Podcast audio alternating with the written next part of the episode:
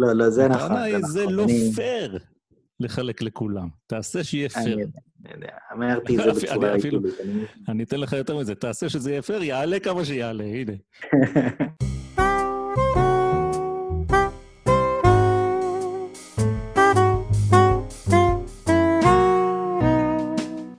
אדם אקראי, הפודקאסט שאפשר בלעדיו.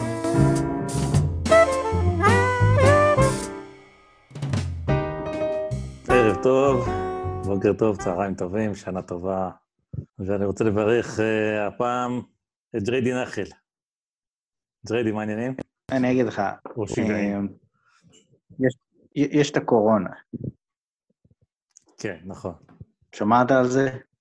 אה, איזה שמועות, ככה בקיצור- אנשים דיברו דיבורים, לא יודע, לא, אני לא קורא עיתונים, אתה מכיר אותי. אז אה, יש שחקן ישראלי מפורסם, קוראים לו תומר שרון, שאני אגב מחבב אותו. אני בצד שלו, בגדול, אוקיי? כן. לא בקטע של. חס כן. בדיוק. בכל מקרה, אז הוא הופיע במונולוג בטלוויזיה, ואחר כך גם רץ ברשת והתפשט אקספוננציאלית, כמו שאנחנו אומרים. כן. אולי נשמע אותו ככה לפני שאנחנו מתחילים. כן, אנחנו אה, מיד נשמע את הקליפ. ונחזור אה, אחרי זה. בין מאות האלפים האלו, אלו שקורסים כלכלית, נמצא גם השחקן תומר שרון תומש, והוא עצוב ובעיקר כועס, וזו דעתו. קוראים לי תומר שרון, תומש. הפרצוף שלי בטוח מוכר לכם מאיפשהו, אני שחקן כבר 30 שנה, טלוויזיה, תיאטרון, קולנוע, מוזיקה. מבחוץ זה נראה כאילו אני וחבריי עובדים במקצוע הכי זוהר ומתגמל בעולם, אז זהו, שלא. החיים שלנו הם לא השקות, שטיחים אדומים או משכורות מנופחות. השבוע פרסמתי פוסט בפייסבוק בו תיארתי את מצבי הכלכלי ההולך ומחמיר. הופתעתי מעוצמת התגובה. מסתבר שבישראל של ימינו הודאה בחולשה נחשבת למעשה אמיץ, גם אם החולשה היא ברורה כשמש ומשותפת למיליוני אנשים. למה? אולי כי האידיאולוגיה החברתית של ההנהגה שלנו הפכה בעשורים האחרונים לאכזרית יותר ויותר. אולי כי היא פערה פערים בלתי נסבלים בין מי שיש לו למי שאין. אולי כי היא צירפה אנשים רבים למעגל העוני ורבים עוד יותר למעגל המועמדים לעוני. יחס המדינה לאזרחים בימי משבר נגזר לחלוטין מהיחס שלה אליהם בימים רגילים. זו לא טעות, זו מדיניות. ישראל איננה מדינה חומלת. אין בה שותפות גורל אמיתית כמו שמנסים לצייר לנו. אין בה רשת ביטחון בסיסית שמדינה דמוקרטית אמורה להעניק, שמדינות שאנחנו נושאים עינינו אליהן אכן מעניקות. הפקרתם אותנו, זנחתם אותנו. דמי האבטלה שאני קיבלתי אישית לא מספיקים אפילו לחצי משכר הדירה שלי. כמוני יש מאות אלפים. גם שכירים ועל עצמאים בכלל אין שאלה. לי אישית הולך להיגמר הכסף עוד חודשיים-שלושה. בלי לשבור את חסכונות הזקנה הצנועים שלי, אני אמצא את עצמי חסר בית. אני משלם ביטוח לאומי 30 שנה, גם בתור שכיר וגם בתור עצמאי. מה זה ביטוח? ביטוח זה מוסד שחוסך את כספך למקרה שיקרה אסון. אז האסון קרה, ואני רוצה את הכסף שלי. הפרתם את החוזה בין המדינה לאזרחים. נהוג לומר פה, זה לא עניין של ימין ושמאל, אבל המדיניות הביזיונית הזאת היא ימין כלכלי, ככה הוא נראה. ראש הממשלה, כשהוא מתפנה מלקושש לעצמו הקלות מס או תרומות ממיליארדרים, אוהב לצטט את ז'בוטינסקי. אתם זוכרים את חמשת המ"מים הידועים? מזון, מעון, מלבוש, מורה ומרפא. אז עוד חודש, חודשיים, שלושה, חלק מאיתנו לא יוכלו להשיג את השניים הראשונים, המלבוש יהיה מותרות, המורה יהיה בזום, ולגבי המרפא, ישראל זוכרת מצוין את המלצתו של שר הבריאות הקודם על יכולות הריפוי של המשיח. אז כן, אנחנו חלשים, כולנו. אנחנו לפני קריסה. בקרוב אנשים יצאו לרחובות, לא כדי להפגין, הם יצאו כדי לגנוב. כשאין אוכל לילדים שלך, אתה עושה מה שצריך כדי שיהיה. ובמדינה שבזה לחולשה, שמאשימה את החלש בחולשתו ואת העני בעוניו, מדינה שבה המנהיג אומר לאישה שהיא הצביעה עבורו, כשהיא זועקת את המצוקה שלה, שהיא משעממת אותו, במדינה כזאת היא לא מספיק להודות בחולשה. צריך לצרוח אותה. בואו בוא, נדבר על הסרטון הזה, מה שאנחנו רואים. כן, לא, אין לי, אין לי בעיה עם, ה, עם הרגש. זאת אומרת, הבן אדם שחקן, ובן אדם מעביר רגש, והוא עושה את זה בצורה טובה. הוא, הוא מתחיל בלדבר על מצבו הכלכלי הקשה. כן. עכשיו, אה, המצב הכלכלי שלו, אני מאמין לו. זאת אומרת, אין פה איזה עניין, וגם הרבה אנשים אחרים אה, סובלים מהעניין הזה. וברור לי שהמצוקה היא אמיתית, ברור שהרבה אנשים סובלים מה, מהמשבר. מצד שני, השאלה היא לא האם המצב גרוע, כי המצב גרוע זה כולנו יודעים, אלא מה אנחנו עושים, איך אנחנו מתמודדים עם המצב. איזה trade-offs אנחנו צריכים לעשות פה כדי לשפר את המצב שלנו. כן. ופה אני חושב שדווקא הוא קצת לוקה בחסר, קצת אה, זה שאנחנו צריכים בעצם לדבר על זה, זה משהו שהאמת, אני חייב להגיד, טיפה משעמם. כאילו, זה דברים, כאילו, אנחנו דיברנו על הדברים האלה.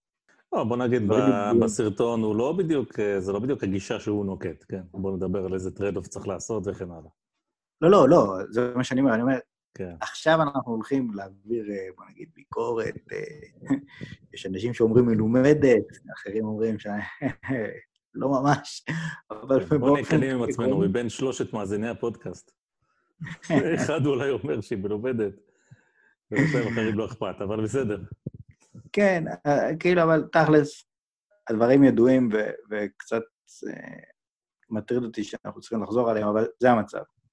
טוב, מה לעשות, טוב. זה מה שהחלטנו לדבר בפודקאסט מאיזושהי סיבה, כן. נו, אז מה אותו מסר שאתה לא, כל כך לא רוצה לחזור עליו, עכשיו אתה תחזור עליו.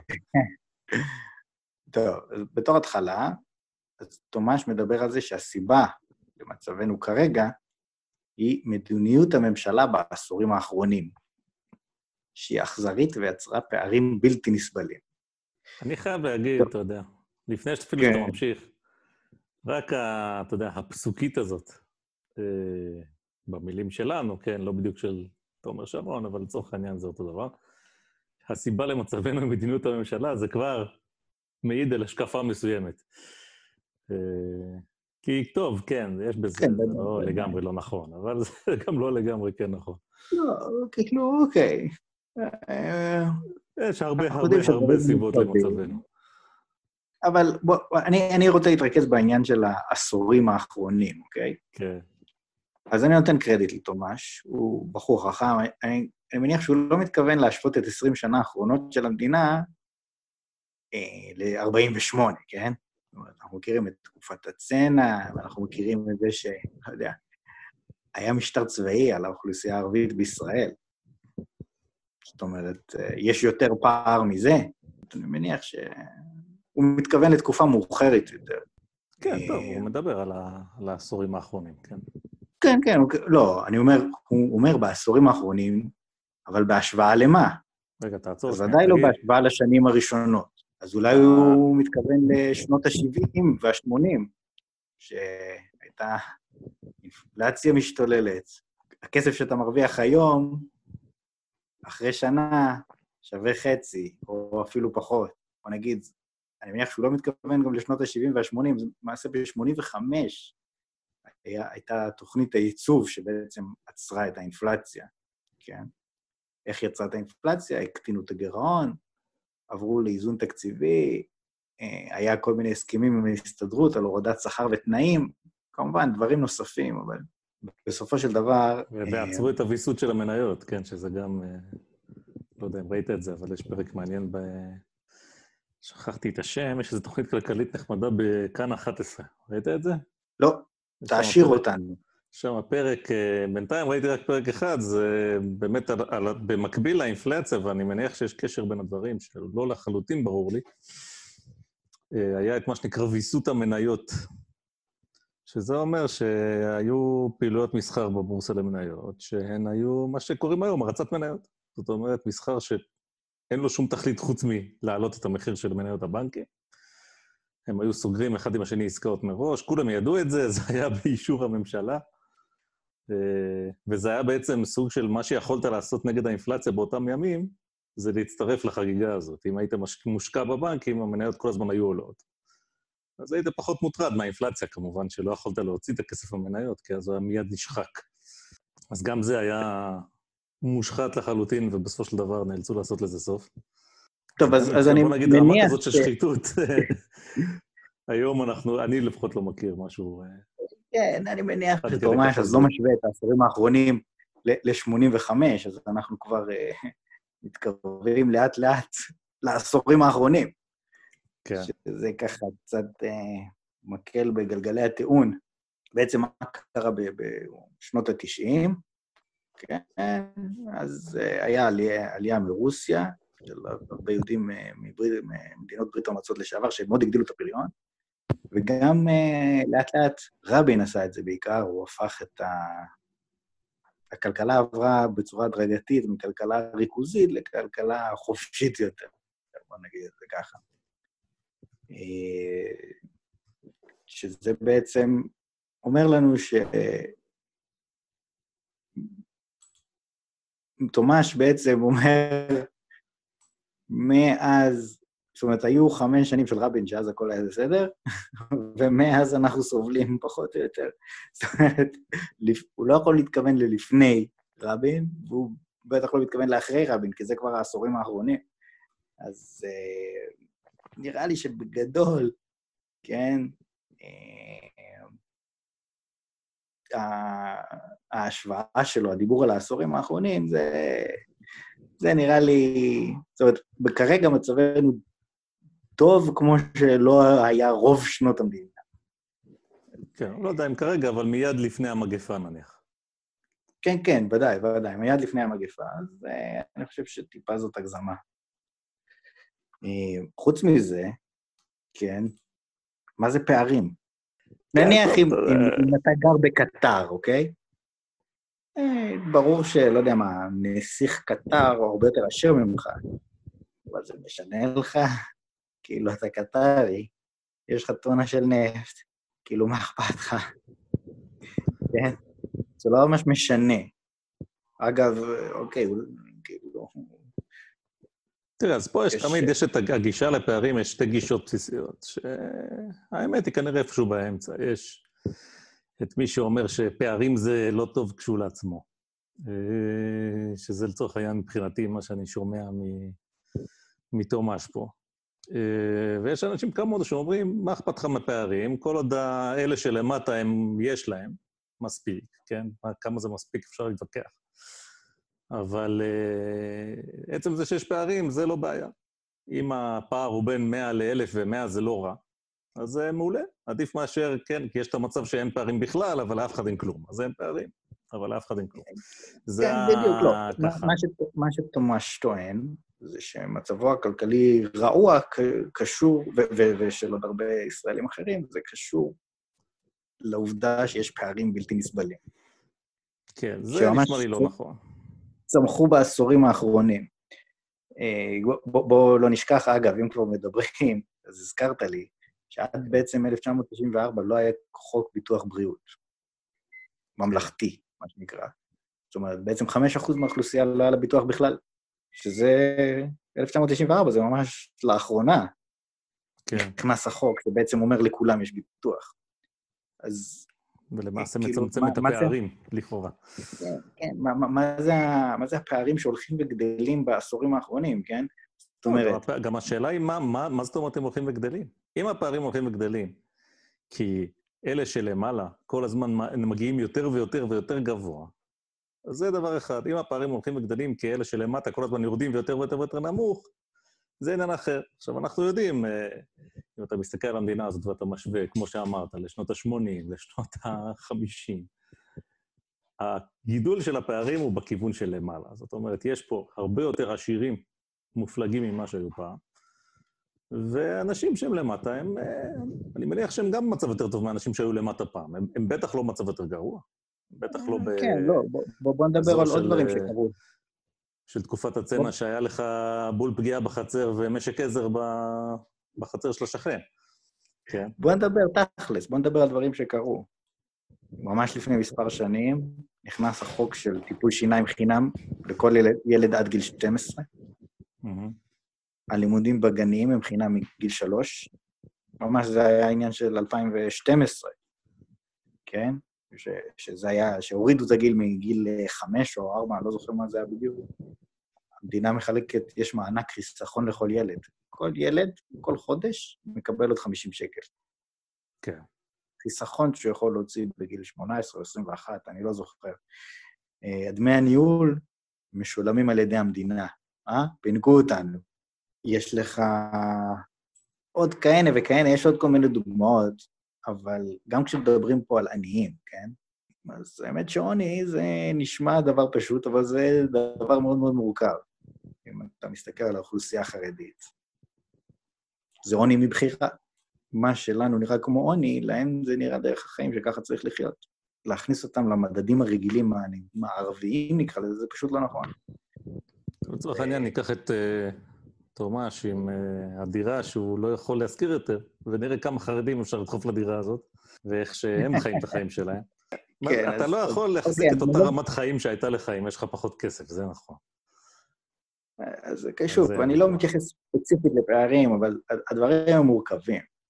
ואם אתה מסתכל על, למשל, לא יודע מרכז טאוב, מצאתי בגוגל, שהוא טוען שיש ירידה של שלושה אחוזים בשיעור העניים, מ-92 עד 2011, במדדים אובייקטיביים, בלי כל מיני משחקים סטטיסטיים של חרדים, ערבים, כל הדברים האלה. אה, סליחה, לא, אני טעיתי. ציטטתי לא נכון. כן, יש ירידה של שלושה אחוזים בשיעור העניים אצל יהודים לא חרדים. ומצד שני יש עלייה אצל חרדים וערבים בשיעור העוני. כן.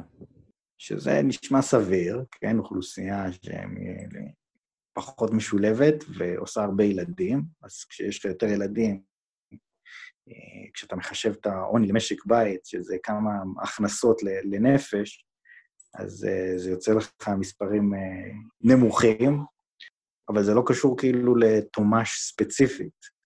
תומש הוא לא... זאת אומרת, הוא בקבוצה של אלה שמצבם משתפר. כן, בדיוק. בנוסף, כן, כשעושים סקרים של עוני, אז צריך, אה, לא יודע מה, נגיד, למ"ס ב-97, לקח גם את ערביי מזרח ירושלים, אה, ככה שזה בכלל מגדיל את כל הסמטופה הזאת של המדדים האלה. אז uh, כל הנושא הזה של עוני ומה בדיוק המדיניות של הממשלה פה, ימין כלכלי, לא ימין כלכלי, זה נושא מאוד מאוד מאוד מורכב. כן, אבל פה גם שווה להיכנס לנקודה, אתה יודע, אתה שמעת את תומש ואתה אומר, יש עניין, איך מודדים את זה, תלוי איך מחלקים את זה, אוכלוסיות שונות תופסות עוני בצורה שונה. לא שמעתי תומש מדבר על מדדים, כן? שמעתי אותו מדבר על פערים, ואז זה שהולך להיגמר לו הכסף. בסופו של דבר, אה, אנחנו חיים בעידן, הרי מה, מה, כמעט כל תוכ... מה, מה אנחנו... זה לא שגם אני וגם אתה לא איזה מומחים גדולים. אתה אולי קצת יותר ממני, אבל בסוף, מה התוכניות האלה בפודקאסט כל פעם אומרות? ברגע שאתה מתחיל להסתכל על דברים ברצינית, פתאום יש, אה, רגע, זה שאלה, זה מסובך, זה מורכב, זה צריך לחשוב. זה מה שבדיוק מה שלא קורה ב... במסרים שמועברים בסופו של דבר במדיה למיניה. כי תמיד יש לך מישהו שצועק משהו ומישהו שצועק משהו אחר. אף פעם אין כאילו, אף פעם אין את העניין הזה, אתה יודע, מה שאנשים עושים כל הזמן במקומות נכון, עבודה נכון. בחייהם. בואו נראה עם מה שיש לנו, איך אפשר להסתדר. זה אף אחד לא מדבר ככה. לא, אני מסכים איתך, אני מסכים איתך, אבל כאילו צריך להבין שבא תומש והוא אומר, זה כן עניין של ימין ושמאל. המצב שלנו כרגע... זה ימין כלכלי, כן. בגלל הימין.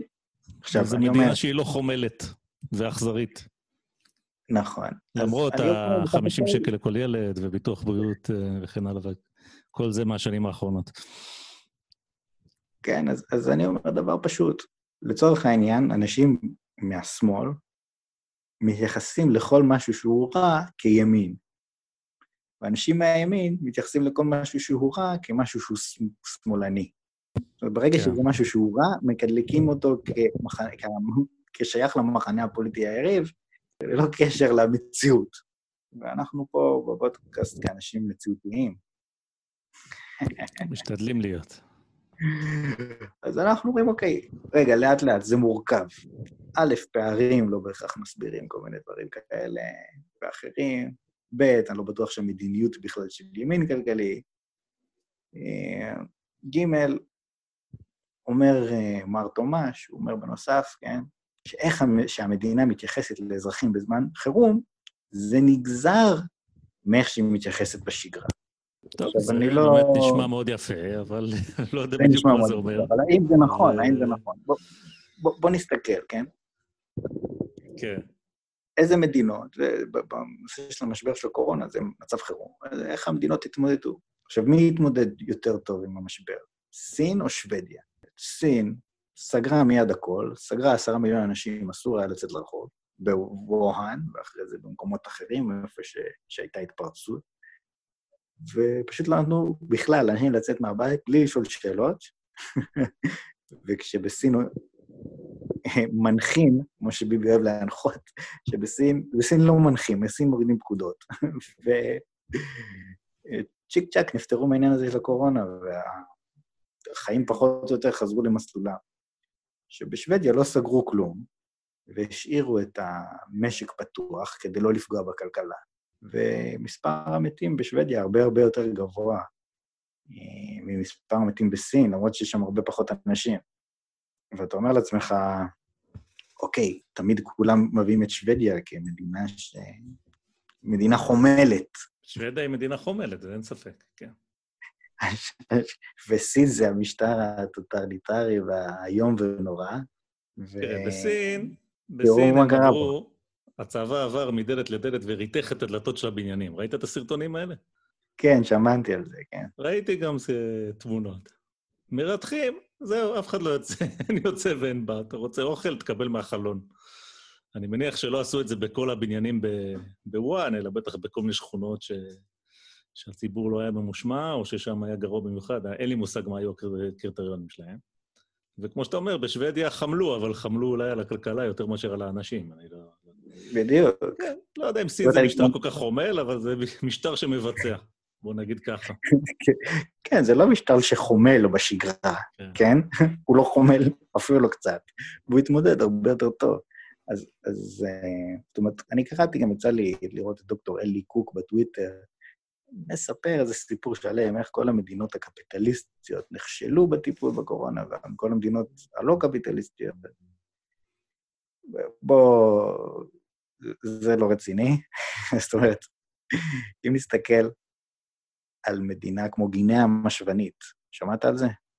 יש איזה שמועה, כן, שקיים כזה מקום. כן, אז בוא, גם אני וגם אתה. כן, אנחנו במקרה מכירים שם טיפה... מכירים מישהו שגר שם. עכשיו, כן. הם ממש, הם לא נפגעו מהקורונה כמעט בכלל. נכון. א', לא בדקו, ב', האוכלוסייה שם צעירה מאוד. אם באיטליה 20% מהאנשים הם מעל גיל 65, בגינאה רק 2%. כן. אה, הם לא מגיעים פשוט לגילאים המופלגים האלה בדרך כלל. ואז אה, כן, הם לא כל כך, אתה יודע, אין מיגון, אין כלום. הדיקטטור עלה על סירה, יצא לים, והוא עדיין שמה. ופיתחו... אה, אנשים פיתחו חסינות עדר פשוט, כולם נדבקו, שלום על ישראל, מעט מאוד מתו כי כולם שם צעירים. זו התמודדות טובה או לא? כן, זה נראה לי כמו, יותר כמו לא התמודדות בכלל, אבל תוצאה לא רעה. אולי, האמת שאי אפשר לדעת, כי אתה אומר שמעט מאוד מתו, אוקיי, אז עובדה שמעט מאוד מתו, אז כנראה שיצא להם בסדר. לא, אבל לא היה שום ניהול, לא היה שום כלום. זה לא קשור לא לדיקטטורה ולא קשור ל... לא, לא, לא בוא נגיד, אם, אם אתה רוצה, תראה, זו מדינה שהיא... קודם כל, להשוות... בכלל להשוות את המדינות הקפיטליסטיות לאלה הלא קפיטליסטיות. אני לא יודע, אתה יודע, זה קצת להשוות תפוחים לתפוזים anyway, כן? כי בכל מצב שנוצר לך לחץ, באמת, יכול להיות, אתה יודע, ברמת התיאוריה, אני לא מדבר איתך כרגע על העובדות, ברמת התיאוריה, יכול להיות שבאמת מדינות קפיטליסטיות פחות מותאמות לסוג מסוים של לחץ, ואם הלחץ הזה יבוא, יחסל אותם, זה לא בלתי אפשרי. זה כן, אני רק אומר... בדיעבד, אז מה זה שווה? זה לא אומר כלום, כאילו, על... אנשים, כאילו, המין, אנשים אוהבים לקטלג, להכניס דברים לקטגוריות. נוח להם להכניס דברים לקטגוריות. ולא תמיד זה מתאים. לא, זה גם, בד... זה גם תמיד להסתכל רק על מימד אחד. זה כמו, כמו התוכנית שעשינו על המאמר של גרטל, זוכר את זה? זוכר ודאי. אתה מסתכל על מה שאתה רוצה להסתכל, מגיע לאיזה מסקנות גרופות. אמ, כמו שאמרת, הנה הגינה המשוונית. לכאורה, תוצאה מצוינת, הממשלה לא עשתה כלום. שלא עשתה כלום, אתה יכול, אתה יודע, לראות את זה בשתי דרכים. זה בטח לא התנהגות שמאלנית, כן? לא לעשות כלום. זה דווקא דומה לימין כלכלי, לאיזה פייר, אל תעשה כלום, תן לציבור להתמודד לבד.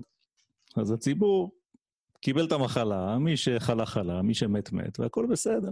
נו, בדיוק, כן, זה מה שאני אומר. אני אומר, אם אתה מסתכל על ה... זאת אומרת, קשה מאוד להכניס את זה למדיניות כלכלית כוללת. אז אף אחד שם לא נפגע כלכלית אה.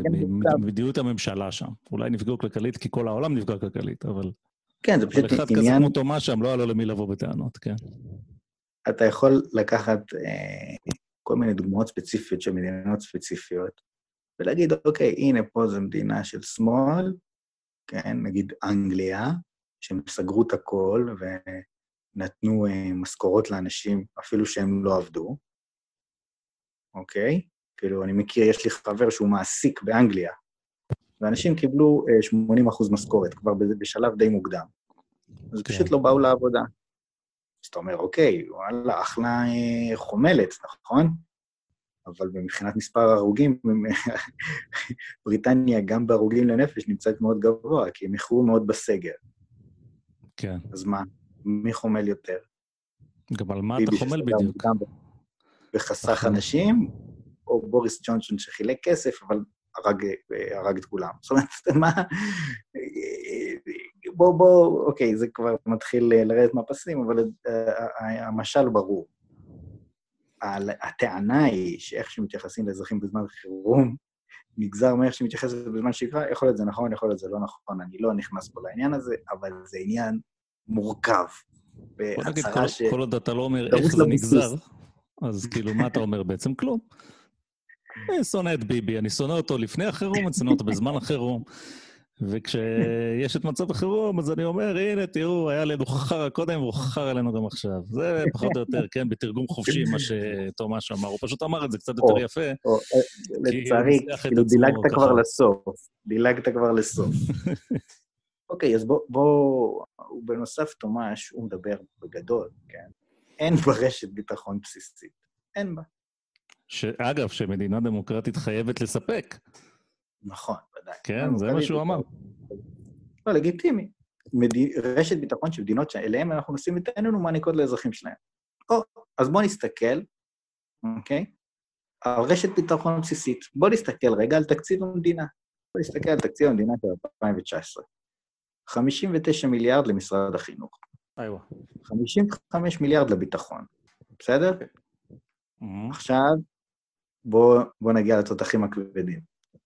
ביטוח לאומי, 44 מיליארד. זה מתוקצב לא. מהאוצר? לא, זה מה שגובים מהאזרחים.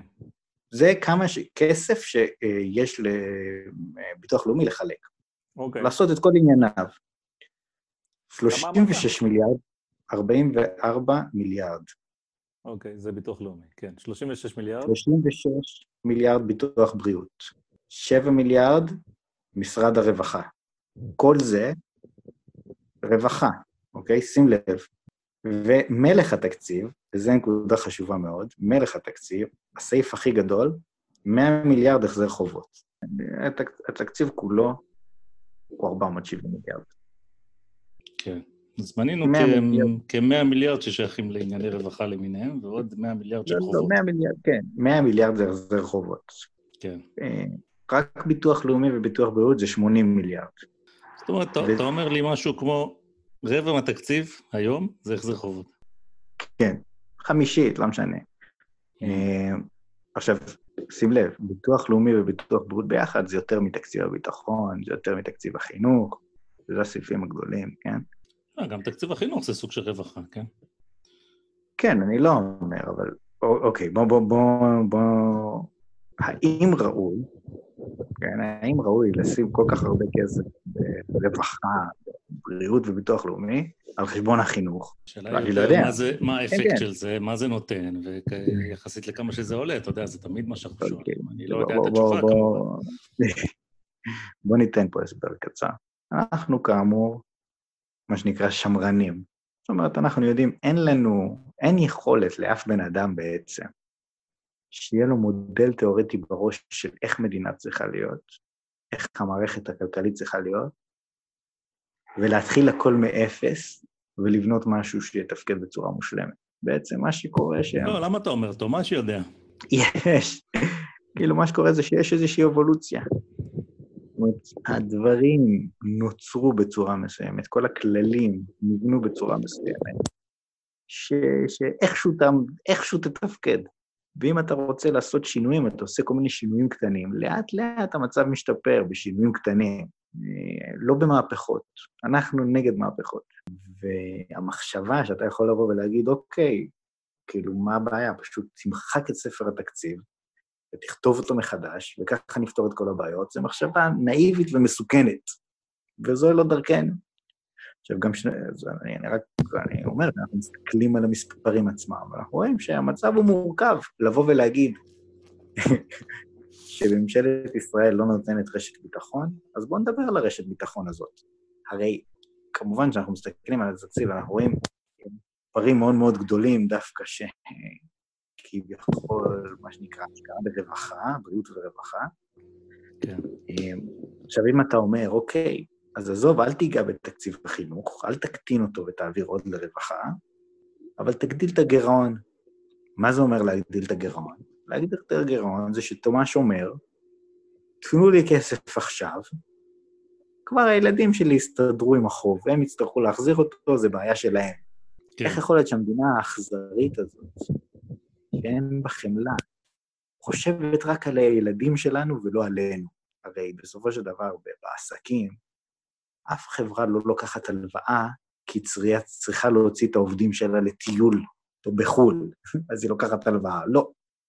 היא לוקחת הלוואה אם היא חושבת שההשקעה של הכסף תשתלם לה בטווח הרחוק. זאת אומרת, עכשיו נזכור מדענים שיפתחו חיסון לקורונה, ניקח הלוואה, כי אין לנו את הכסף, הם יפתחו חיסון לקורונה ואז נרוויח, אוקיי? זה, לוקחים הלוואה כשאתה חושב שאתה תוכל לעשות ממנה יותר כסף, לא רק כדי להוציא את הכסף על, על, על דברים שלא יחזרו. לכן, להוציא כסף על חינוך זה כביכול השקעה, בוא נקרא לזה משתלמת, כן? נקרא לזה משתלמת. אתה מוציא כסף על חינוך, אתה מקבל אנשים משכילים יותר והפריון עולה, אוקיי? כן. אם תבוא ותיקח את הכסף ותחלק אותו לקצבאות זקנה, לא תעלה את, הפיר... את הפריון, ולכן זה כסף שלא שווה לך להיכנס לגרעון בגללו. שוב, זה בצורה פשטנית, הדברים הם יותר מסובכים מזה בהרבה, אוקיי? לא, מה אני אגיד לך? יש דברים, אתה, מה שאתה מדבר עליו עכשיו זה על ההבדל בין לצרוך לבין להשקיע. אתה יכול להוציא את הכסף ב... בגדול בשתי קטגוריות האלה, כן. יש לצרוך, זה לצורך העניין במקרה שלנו קצבאות זקנה. ויש להשקיע, זה לצורך העניין, להשקיע בחינוך. וההבדל, כמו שהסברת, זה האם אני מצפה, איזה תמורה אני מצפה לקבל. כשאני משקיע, אני מצפה בסופו של דבר לקבל יותר כסף חזרה. כשאני צורך, אז אני צורך, כי אני רוצה משהו, וזה עולה לי כסף. עכשיו, צריכה זה לא דבר רע פר סה. בסוף כולנו רוצים לצרוך. אנחנו רוצים לצרוך uh, כדי לחיות, כדי לאכול, כדי שיהיה לך uh, בית, שיהיה לנו כל מיני דברים שאנחנו רוצים. גם להזדקן בכבוד זה אה, אולי אה, שווה לצרוך בשביל זה. הנקודה היותר חשובה, לדעתי לפחות, זה כדי שתוכל קצבת זקנה, כן, סוג של לתת, כן? כדי שנוכל לתת, קודם כל צריך שיהיה מאיפה. ואני חושב שבקטע הזה, תומש, לדעתי, זה, זה אולי הטעות הכי גדולה שלו מבחינתי, כי כמה שהמצב בישראל קשה היום בגלל המשבר הקורונה, זה קיים וכאפס לעומת מה שקורה במדינות, עם כאלה שהכלכלות שלהם היו אה, פחות חופשיות ופחות מוצלחות, כן? ומדינות שהן פה גם באזור, כמו לבנון וכמו איראן, שאנחנו רואים את המטבעות שלהם קורסים, וכבר uh, מרגישים את זה, הפסקות חשמל בביירות כבר, ממחסור של דלק וכן הלאה. אז זה שהיה פה ככה כלכלה קפיטליסטית משגשגת עד לפני הקורונה, זה מה שמאפשר לך בכלל אולי לעבור את המשבר הזה ברמת פגיעה סבירה, כן? כי אם אין לך, אז מאיפה תיתן? אם יש לך, אז אולי אתה יכול בכל מיני נסיבות להחליט שאוקיי, עכשיו אתה משלם, עכשיו אתה נותן. כמובן, כן, כן. גבול. מה שאמרת הוא מאוד מאוד מאוד חשוב, כן? הרי אם מדיניות הרווחה, נקרא לזה, של המדינה הייתה יותר מצומצמת, ולא היה טיפולי שיניים חינם עד גיל 12, ולא היו מחלקים 50 שקל לכל ילד, ולא פה ולא שם, ולא היה כסף לתרבות, ולא היה... לא, זאת אומרת, היו מפריטים את הבימה ומפריטים את התאגיד וכל הדברים האלה. אז אולי היה כסף עכשיו לתת אה, מקופת המדינה לתומש, שיהיה לו שכר דירה. הגירעון היה יותר נמוך, והיה כסף לחלק. נורא פשוט. אבל אה, בסדר, אתה יודע, אנחנו הרי, אה, תומש לא עוסק בענייני אה, מה היה אם לא הייתי שם את הכסף פה, הייתי יכול לשים אותו פה. הוא עוסק בענייני חמלה ואכזריות. שזה, אתה בדיוק. יודע, זה מה שדיברנו קודם.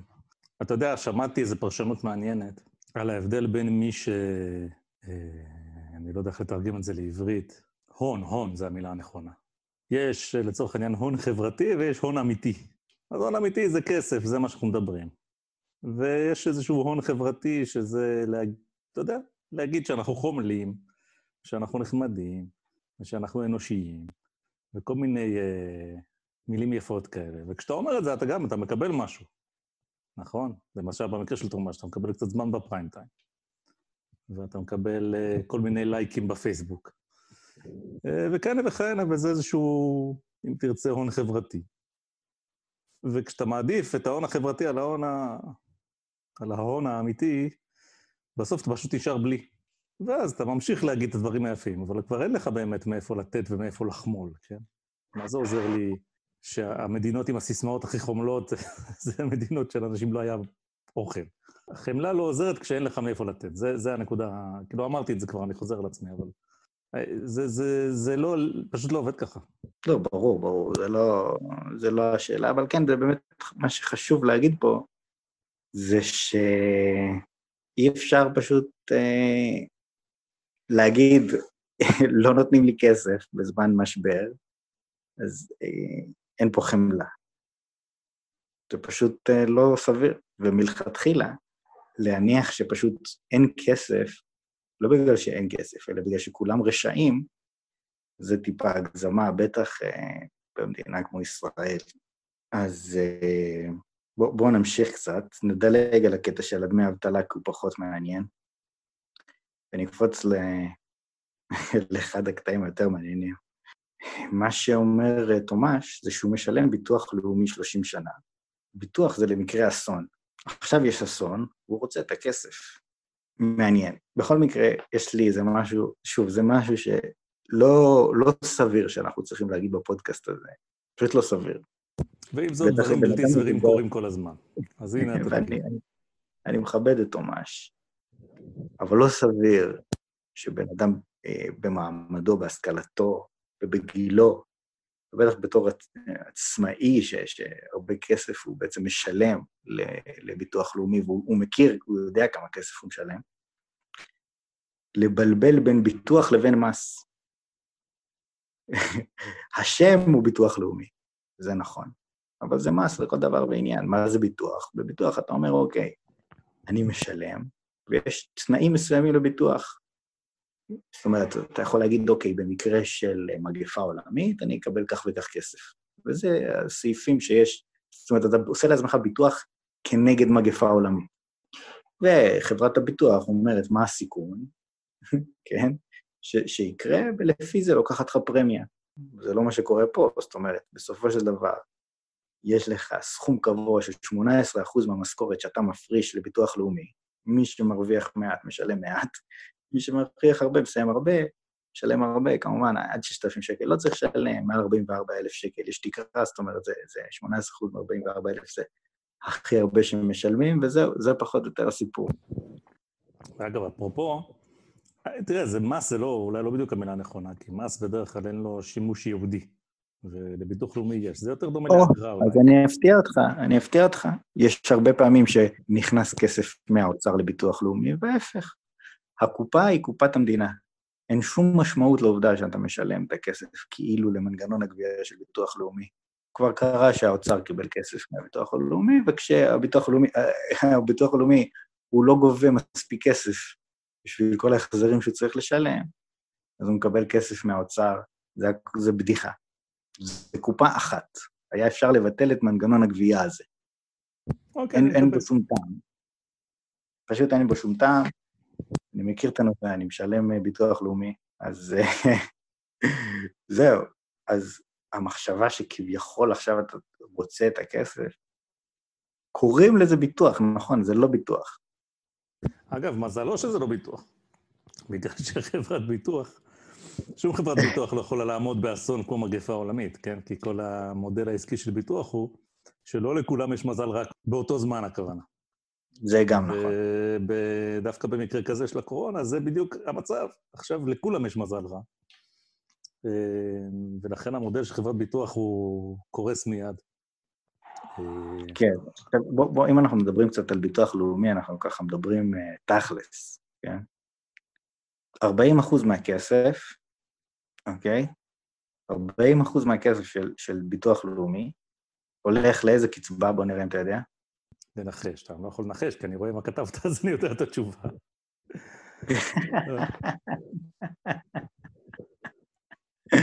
אתה לא היית רוצה שאני אעמיד פנים שניחשתי, קצבת זקנה.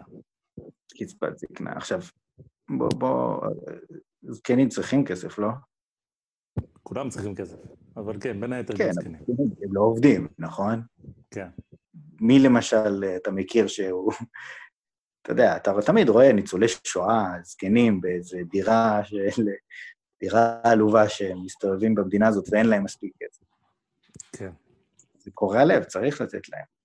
אבל מי למשל במדינה מקבל קצבת זקנה, אתה יודע? איש מפורסם שאתה מכיר. האם ייתכן שאתה מתייחס לראש ממשלתנו? כן. מר ביבי נתניהו מקבל קצבת זקנה. בצדק, מגיע לו. בגדול, בגדול, אם אתה מסתכל, בעצם אנשים מבוגרים הם בדרך כלל עשירים. אה, יש לקוות. אני מניח שיש שם איזו התפלגות, אבל עשירים יותר yeah, לא, לא, זה לא, כנראה... כן. יש, אין ההוצאות שלהם הרבה יותר, הוצאות נמוכות כשאין ילדים. הדירה, הבית יותר קטן. כן. אה, הם מקבלים כל מיני סוגים שונים של הטבות, יש להם פנסיה, הרבה אנשים, אה, יש להם פנסיה תקציבית במדינה, והם מקבלים גם, זאת אומרת, אם תלך להבימה, כן, תלך לראות הצגה בהבימה, תראה שהגיל החציוני שם הוא איזה 70 או משהו כזה, כן? אה, אני לא אומר, יש, יש הרבה אנשים במדינה, מבוגרים, יש להם כסף, והם מקבלים קצבת זקנה מהצעירים. עכשיו, אתה אומר, בוא נחלק את הכסף בצורה אחרת. אוקיי, זו גם שאלה מורכבת. למה?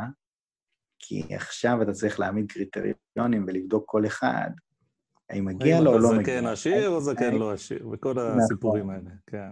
שרק זה עולה לך יותר מחצי בטח מה... רק זה עולה לך כסף. כן. אז השאלה אם זה שווה או לא שווה, אני לא יודע. לא יודע, באמת שאני לא יודע. אבל צריך להבין, זה עניין מורכב.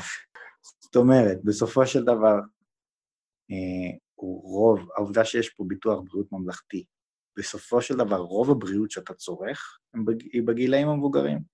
זה בדיוק מה שיש בארצות הברית. בארצות הברית יש ביטוח בריאות ממלכתי, רק מגיל 65 ומעלה. אז שם המצב אפילו אבסורדי יותר, אנשים לא מטפלים בעצמם, ואז מגיעים למצב, בגיל 65, במצב יותר רעוע, ועכשיו מתחילים uh, לעשות uh, כל מיני טיפולים, והתקציב uh, הבריאות שם הוא, הוא מאוד מאוד גדול, זאת אומרת, אנחנו שמים הרבה כסף על הזקנים שלנו, שזה גם יהיה אנחנו בסופו, בסופו של דבר. כן. אם זה ראוי או לא ראוי, אני לא יודע. האם זה קשור לחמלה? ואם, ואם כאילו היו מכפילים את קצבת הזקנה, אז המדינה הייתה יותר חומלת? על מי? על הזקנים כנראה, אבל לא על הילדים שלהם שמשלמים את זה. לא על הילדים שלהם שמשלמים את זה. כן. קצבת ילדים זה 11 אחוז מההוצאות של ביטוח לאומי, כמובן שקצבת ילדים לא מגיעה בכלל לילדים, אלא להורים של הילדים. בקיצור, מה שקורה פה זה שבוועד עובדים, בדרך כלל, מה שקורה זה שיש יש את דור א', נגיד במפעלי ים המלח, יש את דור א', שהם לוקחים את כל הכסף, ויש את דור ב', זאת אומרת, הוותיקים של הוועד סוגרים עם ההנהלה שכל הוותיקים, ככה זה גם קורה בהסתדרות ובארגון המורים, כל הוותיקים, הם מקבלים את כל הכסף. וגם אצל הרופאים, בהארי שמה שלהם. כל המקום זה ככה, כי מה קורה? אחרי שעברו פה 20 שנה, יושב ראש הוועד, אתה כבר כזה סחבק של הממשלה. אתה אומר, מה, אותי אתה תשאיר בלי, לא נעים. לא, אבל אתה מבין, זה מה שקורה פה גם ברמת המדינה. גם ברמת המדינה, הזקנים, וככל שאתה יותר מבוגר, ככה אתה מקבל יותר כסף. ככה זה גם ברמת המדינה. האם זה ראוי? לא יודע, אל תשאל אותי אם זה ראוי, אבל ככה דברים עובדים. לשייך את זה לכן חמלה, לא חמלה, אני לא יודע, אני לא מומחה. אבל uh, צריך להבין, שוב, אין פה עץ של כסף, ויש פה כל מיני כוחות שמושכים לכל מיני כיוונים. והדברים מסובכים, וזה שאתה אומר בטלוויזיה שהמדינה הזאת היא אסון בגלל ימין כלכלי, נו, מילא. ואגב, אם הולך להיגמר לך הכסף תוך חודשיים, אולי לא היית צריך לגור בדירה הזאת שעולה לך כל כך הרבה, כן? זאת אומרת, בן אדם יודע בערך כמה כסף הוא, הוא מסוגל לייצר וכמה לא. מה קרה? פתאום יש בעיה, אין הופעות, אין עבודה, הולך להיגמר לך את הכסף תוך חודשיים. הרי במקרה, מה שקרה זה שבאה הקורונה, וזה צרת רבים, ואפשר להאשים את הממשלה. לא, אני אגיד לך את האמת. בוא, תגיד לך את האמת. צריך פה לפרגן לתומש, כי בעצם הוא הלך לחפש, אה, הוא כתב פוסט נוסף שבו הוא כתב שהוא הלך לחפש עבודה כמורה. הוא כתב בפעם ראשונה בחיים שהוא הלך לרעיון עבודה וזה, זאת אומרת, הבן אדם לא פראייר, והוא לא... זאת אומרת, הוא כן הלך ואומר, אוקיי, יש בעיה, אני אלך ואני אמצא עבודה, אני אדאג לעצמי. אז הוא לא חי בלפלנד, וכן הסרטון הזה מלא רגש, אבל אין פה... הוא לא הזוי, כן? תומש. הוא מבין אה, איך דברים עובדים, ופועל בהתאם, ובאמת כל הכבוד לו על זה, אבל הוא כן מייצג אה, אווירה מסוימת. הוא כן. כן מייצג את המין, את הדעה הזאת, שהסיבה שלא נותנים לנו כסף, זה כי, זה לא כי אין כסף, אלא יש אנשים רעים. כן. אם אנחנו רק נסתכל על, ה, על מה שקרה פה בשבועות האחרונים, העובדים הסוציאליים באמצע משבר קורונה, שאנשים פה מובטלים, אנשים אין להם כסף, והם עובדים של המדינה, ומשכורתם מובטחת, נמוכה אבל מובטחת, והם שובתים כדי לקבל עוד כסף. לגיטימי, לא לגיטימי, אל תשאל אותי, אני לא יודע, אבל קיבלו עוד כסף. היה שביתת אחיות, התקבלו התנאים שלהם. אה, לא מזמן היה אה, את הסיפור עם המורים, לא היו מוכנים לעבוד עוד תשעה ימים ביולי, לא עבדו עוד תשעה ימים ביולי. באה המדינה מכיסה, מימנה את השבועיים הראשונים של בית ספר של החופש הגדול. מה זה מכיסה? מכיסנו, כן? מכיס לילדים שלנו. כן. אה, היה את הפנסיות של השוטרים לא מזמן, קיבלו את כל הדרישות שלהם. זאת אומרת, אין ספק, אין ספק בכלל, שהממשלה הזאת של ימי ביבי, ימין כלכלי זה לא. כן, זה פשוט לא. אין שום קשר, אין שום הבדל בין מה ש... בין המדיניות של... אה, לא יודע מה... כן, אין, אין, אין לביבי אה, אופוזיציה, אבל כל אחד היה נוהג בדיוק כמוהו, כן? זה פשוט, ביבי מחלק את הכסף שלנו, בלי לעשות חשבון. כל מי שקצת צועק קבל כסף.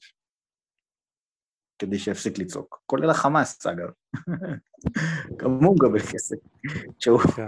מאיים שהוא אה, ישלח אה, בלוני תבערה. רק אנחנו פה עושים את הפודקאסט וצועקים, ולא מקבלים שום דבר. ההפך, זה עולה לנו כסף לעשות את הפודקאסט. בדיוק. אני אגיד לך את האמת, אני מרגיש שלא חומלים עליי. נכון, בהקשר הזה. אז התלונה הזאת, כאילו, הימין הכלכלי והממשלה בלי החמלה, זה פשוט אה, לא נכון. תראה, ימין כלכלי אין פה כבר הרבה זמן. זאת אומרת, יש משהו, זה לא שאין בכלל. אבל אנחנו לא איזה מדינה של אה, ליברטריאנים משוגעים, שאין בה מיסים ואין בה שירותים. ההפך, הליכוד זה בעצם מין אה, מסחרה כזאת, שמי שצובר שם כוח פוליטי, מחלק את הכסף למדינה לחבר'ה שלו. לא, זה אפילו לא זה, זה מחלקים לכל מי שצועק. כן, ומי שעושה מספיק בלאגן, אז אה, זה מתאים לו כסף, כמו שאמרת. אז אה, כן, בהחלט, מה אפשר לעשות? כן. והיריבים של הממשלה, שכיום הם יושבים בממשלה, אבל לא משנה, נגיד שהם היו. הם צועקים שצריך לתת עוד כסף לעוד דברים, אז אני לא יודע בדיוק... אה, כן, אנחנו פה רק בעניין של מי אנחנו הולכים לתת, כן, על חשבון הציבור, וכמה ומתי. על חשבון הציבור שעוד לא נולד. כן. לא, על חשבון הציבור שגם זה שקיים היום ומשלם את המיסים. וגם, אה, כן, אותם ילדים שמקבלים את ה-50 שקל, כמה יצטרכו להחזיר על ה-50 שקל אחר כך, אני לא יודע. כן, אז uh, בסופו של דבר, אם אנחנו נסתכל על התוכנית האחרונה של ביבי, כן? שירדה מהפרק, הנושא של uh, חלוקת המענקים לאזרחים. מה זה ירדה? לא עושים את זה בסוף? לא, לא, מה פתאום, איפה אתה חי? לא, אין לי מושג, מה, אני לא בעניינים. אוקיי, למה לא עושים את זה? למה לא עושים את זה? כי קמה זעקה בטוויטר. שאנשים אמרו, רגע, זה לא לעניין. מה, מחלקים כסף לכולם בלי, בלי קריטריונים? זה בזבוז של כסף. אז עכשיו ביבי מנסה לנסח תוכנית אחרת. זאת אומרת, הציבור, הציבור אומר לביבי, אין עץ של כסף, תפסיק לחלק כסף. לכל ה... תפסיק לחלק כסף לאנשים סתם. לא, זה לא נכון, זה לא מה שהציבור אומר. הציבור אומר שני דברים. אחד, תגיד לי, מה, אתה צוחק עליי? זה כסף זה, מה אני אעשה בדיוק עם ה-750 שקל האלה? איך זה יציל אותי, כן? זה דבר אחד שהציבור אומר. והדבר השני שהציבור אומר, זה בדיוק מה שתומש אומר. איפה העניין של הפערים? איפה הצדק החברתי? מה, כולם מקבלים? גם מי שלא צריך? זה, תמיד אתה יכול לזהות את ה... ברגע שאתה שומע את המילה הזאת, צריך. לא, כן. אבל בסדר, אבל, אבל הסברנו, כן? שהנושא של מנגנון שיגדיר איך מחלקים, זה מנגנון מורכב, שים לב, כן? היום, נגיד, עסקים... אני מסכים איתך, אני רק אומר, הטענה מהציבור, כמו שאני לפחות חוויתי אותה, היא לא אין עץ של כסף, אל תחלק את הכסף, זה לא אחראי. לא, לא, זה נכון. הטענה היא, זה נכון. לא פייר לחלק לכולם. תעשה שיהיה פייר. אמרתי את זה בצורה עיתונית. אני אתן לך יותר מזה, תעשה שזה יהיה פייר, יעלה כמה שיעלה, הנה. כן, אוקיי, לגיטימי. ואז אנחנו נהיה רגועים. אני רק אומר שאם אתה מסתכל על התוכנית של ביבי, שהוא אומר, אוקיי, אם נפגעת יותר מ-40% מהמחזור השנתי שלך, או משהו כזה, חודשי, וואטאבר, אז אתה זכאי לקבל מענק מהמדינה. ואם לא, אז אתה לא מקבל מענק. עכשיו, מה קורה? עסקים שהם נפגעו רק ב-20 אחוז. אומרים, שווה לי להאט עוד יותר את הפעילות שלי, ולהרוויח פחות בשביל לקבל את המענק מהמדינה. ואז אנשים שהם, בוא נגיד, כלכלנים מהימין הכלכלי יגידו לך, שמה שחשוב בסיפור הזה זה תמריצים לאנשים לצאת לעבוד, כן לעבוד. הדבר הכי גרוע שיכול לקרות לבן אדם זה לא לעבוד, כי אז הוא נכנס למין מלכודת עוני כזאת. אתה נמצא מחוץ לשוק העבודה, וקשה מאוד לחזור, לא צובר ניסיון, אתה כאילו אה, מאבד את ה... אתה לא מתקדם, אתה לא מתפתח, אתה מאבד את האינרציה שאולי הייתה לך, שכבר היית בשוק העבודה. כן. ויש לך תמריץ להישאר מובטל כל עוד נותנים לך. בדיוק. אז אה, כן, עניין בעייתי. אז אה, שוב, התוכניות האלה של איך לעזור בזמן הקורונה, זה דבר מאוד מאוד מאוד מורכב ומסובך. ולהגיד כאילו הסיבה שדברים לא קורים זה בגלל שאין חמלה, זה אולי טיפה הגזמה. כן, גם עם חמלה בסוף לא הולכים למכולת. בסופו של דבר, המשבר הזה, הרי אני, תראה, אני, אנחנו פה בפודקאסט בסך הכל די קפיטליסטים, די אינדיבידואליסטים. אבל כמו שאמרתי קודם, יש פה דווקא, דווקא כאן, הפעם, אני לא כזה בטוח, כי המשבר הוא קולקטיבי. ולמשל, בכל ענייני הסגר וכן הלאה, באמת יש עניין של ערבות הדדית. אם אני נשאר בבית ואני שם את המסכה ברחוב וכן הלאה, זה פשוט לא שווה כלום אם אף אחד אחר לא עושה את זה. אה, ולכן יש פה אלמנט אה, קולקטיבי ויש פה אלמנט של סולידריות. התחשיבים הכלכליים עצמם הם באמת מאוד מסובכים. אבל מה שבטוח הוא אני, אני לא נגד, לצורך העניין, קטגורית, כי זה, שוב, זה תלוי בתחשיבים שאנחנו לא באמת יושבים לעשות. ולא נגד קטגורית בלחלק כסף או להדפיס כסף, כן? שזה סוג אחר של אה, לחלק כסף. אבל מה שבטוח שזה חייב להיות לזה איזשהו גבול. וזה חייב להיות תוך כדי ניסיון לשמר כל אלמנט בשוק החופשי שיכול להסתגל למצב החדש. כי בואו נתאר לעצמנו שהיה בנפשנו שזה פשוט לא, לא, לא נגמר. לא יודע, בוא נגיד, אנחנו הרי לא יודעים עדיין מה יהיה. אולי הנגיף הזה הוא מופרע, והוא יהיה כמו מין שפעת כזה, כל שנה יהיה נגיף חדש. ו... ובעצם לא ניפטר מהמחלה הזאת עוד הרבה שנים. אז מה נעשה? כן, זה לא הולך לקרות, לא הולך לקרות, אבל אוקיי. לא, בסדר, שאני מעדיף כמובן שזה לא יקרה. אבל... אמ, לא, אל תפחיד את המאזין. את המאזין, בסדר, יש מאזין אחד, אז הוא יחכה בסבלנות עד סוף הפרק והוא ישמע את אה, צפירת ההרגעה. אבל מה שאני אומר, נגיד אפילו הדבר הזה יימשך... הרי לחלק את הכסף אפשר, אה, אתה יודע, אפשר קצת, אפשר עכשיו לעשות את זה, ואנחנו נחזיר את החובות האלה בעתיד. אבל אי אפשר לעשות את זה בלי סוף, כי בסוף אין, אין למדינה מקור של כסף שהוא לא האזרחים, פשוט אין. אפילו במדינות שהן נסיכויות נפט, שכאילו העושר יוצא מהאדמה, זה לא לגמרי נכון. כי, ש... כי אם הממשלה לוקחת את זה, אז היא לא נתנה לאזרחים את זה, היא נותנת להם בדרך עקיפה. כאילו, איך שאתה לא תסתכל על זה, בסוף הכסף מגיע מאנשים שעובדים. ככל שאם הכלכלה נסגרת ונסגרת ונסגרת, ואנשים לא מסתגלים, ונגיד תומש, כמו שאמרתי, יאמר לזכותו, הלך לחפש עבודה אחרת. זה בעצם מה שאנחנו צריכים לעשות. אנחנו צריכים לראות את השוק החופשי, עושה את שלו, שאנשים הולכים לחפש עבודה אחרת, אנשים מסתגלים לעמוד עבודה חדש, עובדים לעבודה והבית, כל מיני השלכות כלכליות שיהיו לזה, אגב. למשל, מה יהיה בתחום הנדל"ן המשרדי? עכשיו שכולם עברו לעבוד מהבית, ולא, אתה יודע, הרבה מאוד אנשים לא רוצים לחזור, גם כשתהיה אפשרות. אז הולכים להיות כאן שינויים כלכליים מפה עד לפלנט, ו... והדרך לצאת מזה זה בסופו של דבר, השוק החופשי הוא כן התשובה בטווח הארוך. יכול להיות שבטווח הקצר, רק כדי שאנשים לא יקפצו מהגגות, שווה להיכנס קצת לחובות, אבל זה ברור שזה לא פתרון. זה רק איזשהו trade-off, שאחר כך תשלם עליו בריבית דריבית, ו... ו... ולדעת האם זה, עד כמה זה שווה את זה. זאת אומרת, לאיזה גודל של חוב אנחנו רוצים להרשות לעצמנו להיכנס? לא, זה יותר מזה, זה יותר מזה. שים לב, שים לב. יש פה, אה, מבחינת המדינה, יש לה את האפשרות להגיד, אוקיי, הכסף, הדרך הטובה ביותר שיש להוציא את הכסף, זה לא להתמודד עם המשבר הכלכלי עצמו, אלא הדרך שיש לי להתמודד זה להילחם בסיטואציה שיש, להילחם במחלה. ואיך אני עושה את זה?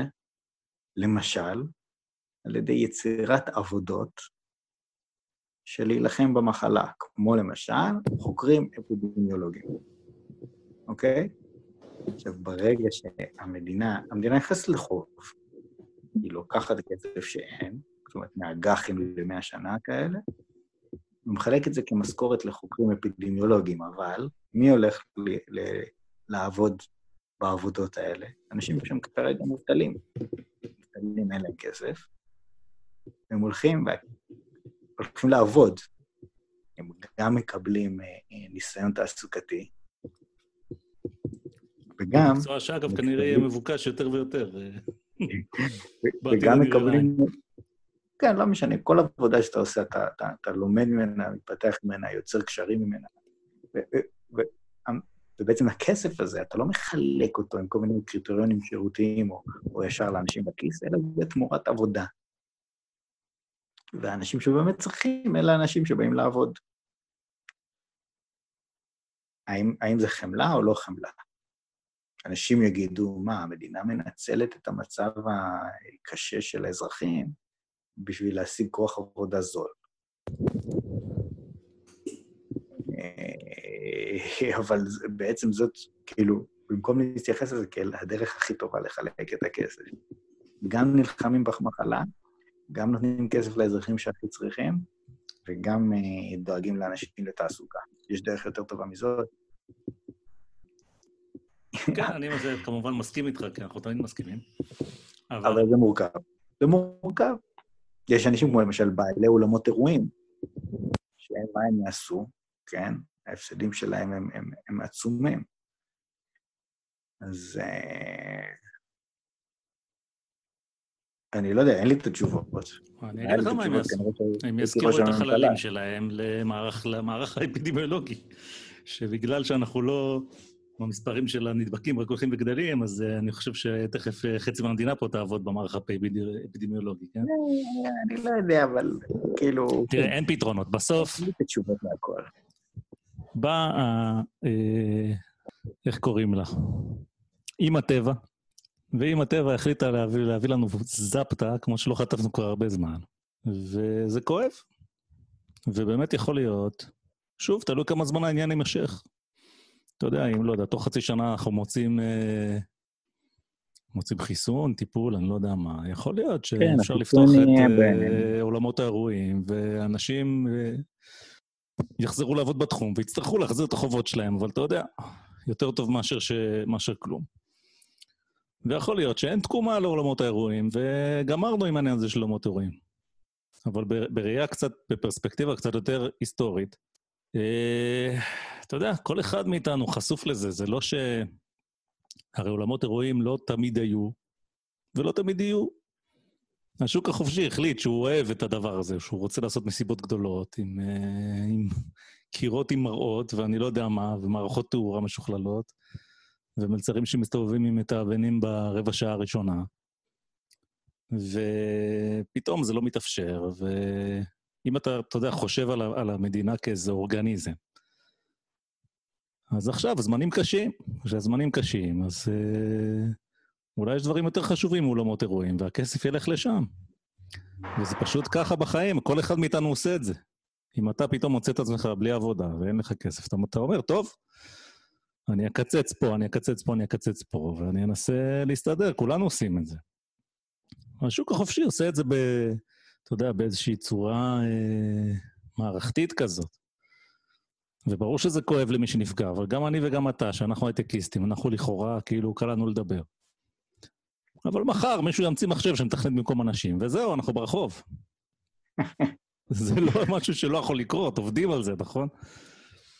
אז אה, באמת לא, שיש נטייה... יש אנשים שפוטרו, גם הייטקיסטים, ומתקשים למצוא עבודה, זה לא... נכון, לא, בוודאי. אבל אני אומר, גם יש איזו נטייה לראות את ה... אתה יודע, לאנשים כאלה שיש להם חמלה ואכזריות בראש. איזו נטייה לראות אה, אה, את העולם כאילו שהוא, אתה יודע, שהוא קבוע כזה. יש את אלה למטה ואת אלה למעלה, וצריך לחמול. אבל העולם הוא נורא דינמי, מי שלמטה היום למעלה מחר, ולהפך. ו... ויש גם את, שוב, את ההסתכלות, ההסתכלות המקרו. כל הכלכלה הזאת צריכה בסוף להתנהל. ואם העולם מגיע למצב שהוא הגיע, אז כל הכלכלה הולכת לעבור שינוי. זה כאילו מה שהולך לקרות. זה, זה באמת לא שונה בכלום מאיזשהו משק בית שנסיבות חייו השתנו והוא צריך להסתגל. זה, אתה יודע, זה ככה. פעם היו דינוזאורים, הנסיבות השתנו, ואין יותר דינוזאורים. זאת אומרת, זה... לא, זה... בסדר, אפשר לעזור לתקופה קצרה, גם הולך להיות חיסון בנובמבר. אין סיבה שהמדינה תפקיר ככה את אה, אולמות האירועים, אה, כי אחרי זה יחזרו להיות אירועים שעולים הרבה כסף ומשלמים עליהם הרבה מיסים, אז אה, בוא לא, נגיד, שלא תבין אותי לא. נכון, אמרתי, אני בעד לעזור. אני בעד להיכנס לחובות. אני לא יודע כמה, זה בדיוק השאלות הקשות שאתה צריך לשבת נכון. עם אנשים רציניים ולראות מה כדאי, איך, איך כדאי לי לחלק את החוב הזה באיזשהו מקום.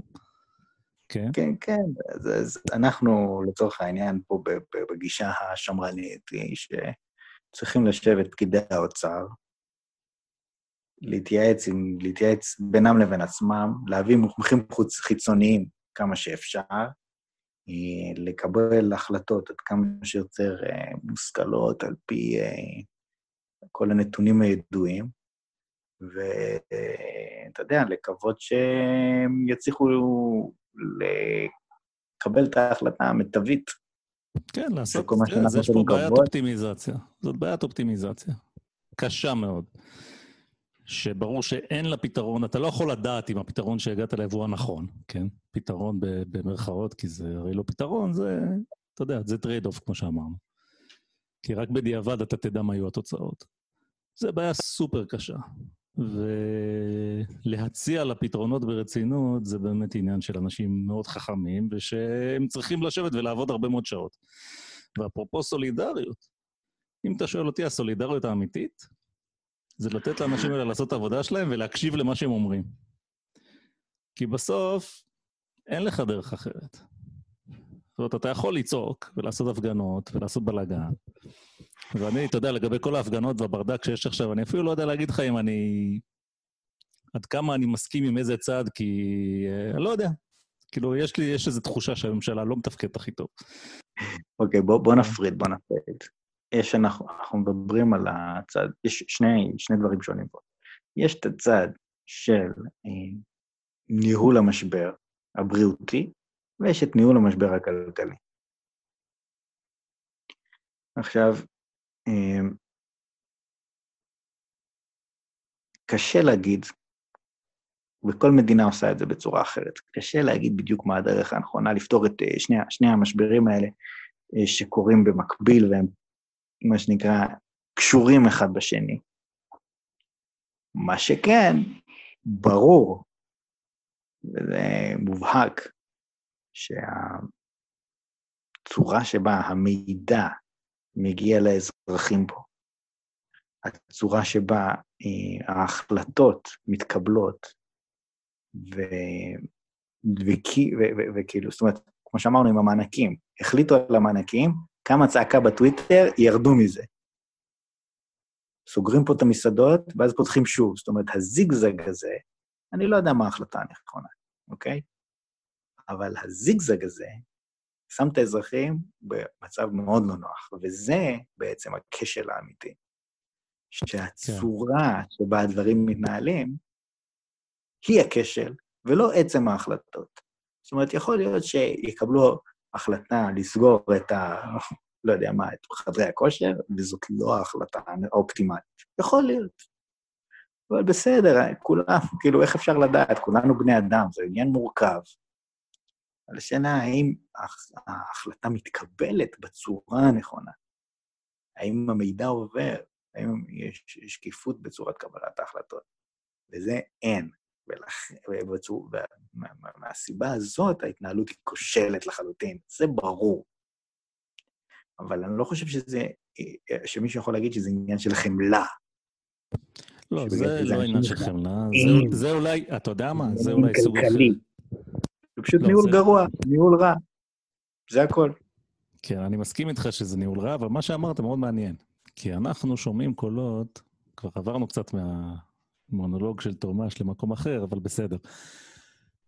אנחנו שומעים קולות על uh, דיקטטורה ודיקטטורה ודיקטטורה, ואנחנו רואים uh, תמונות לא נעימות של uh, מפגינים שמתעמתים עם שוטרים וחוטפים uh, זרנוקי מים וכל מיני דברים.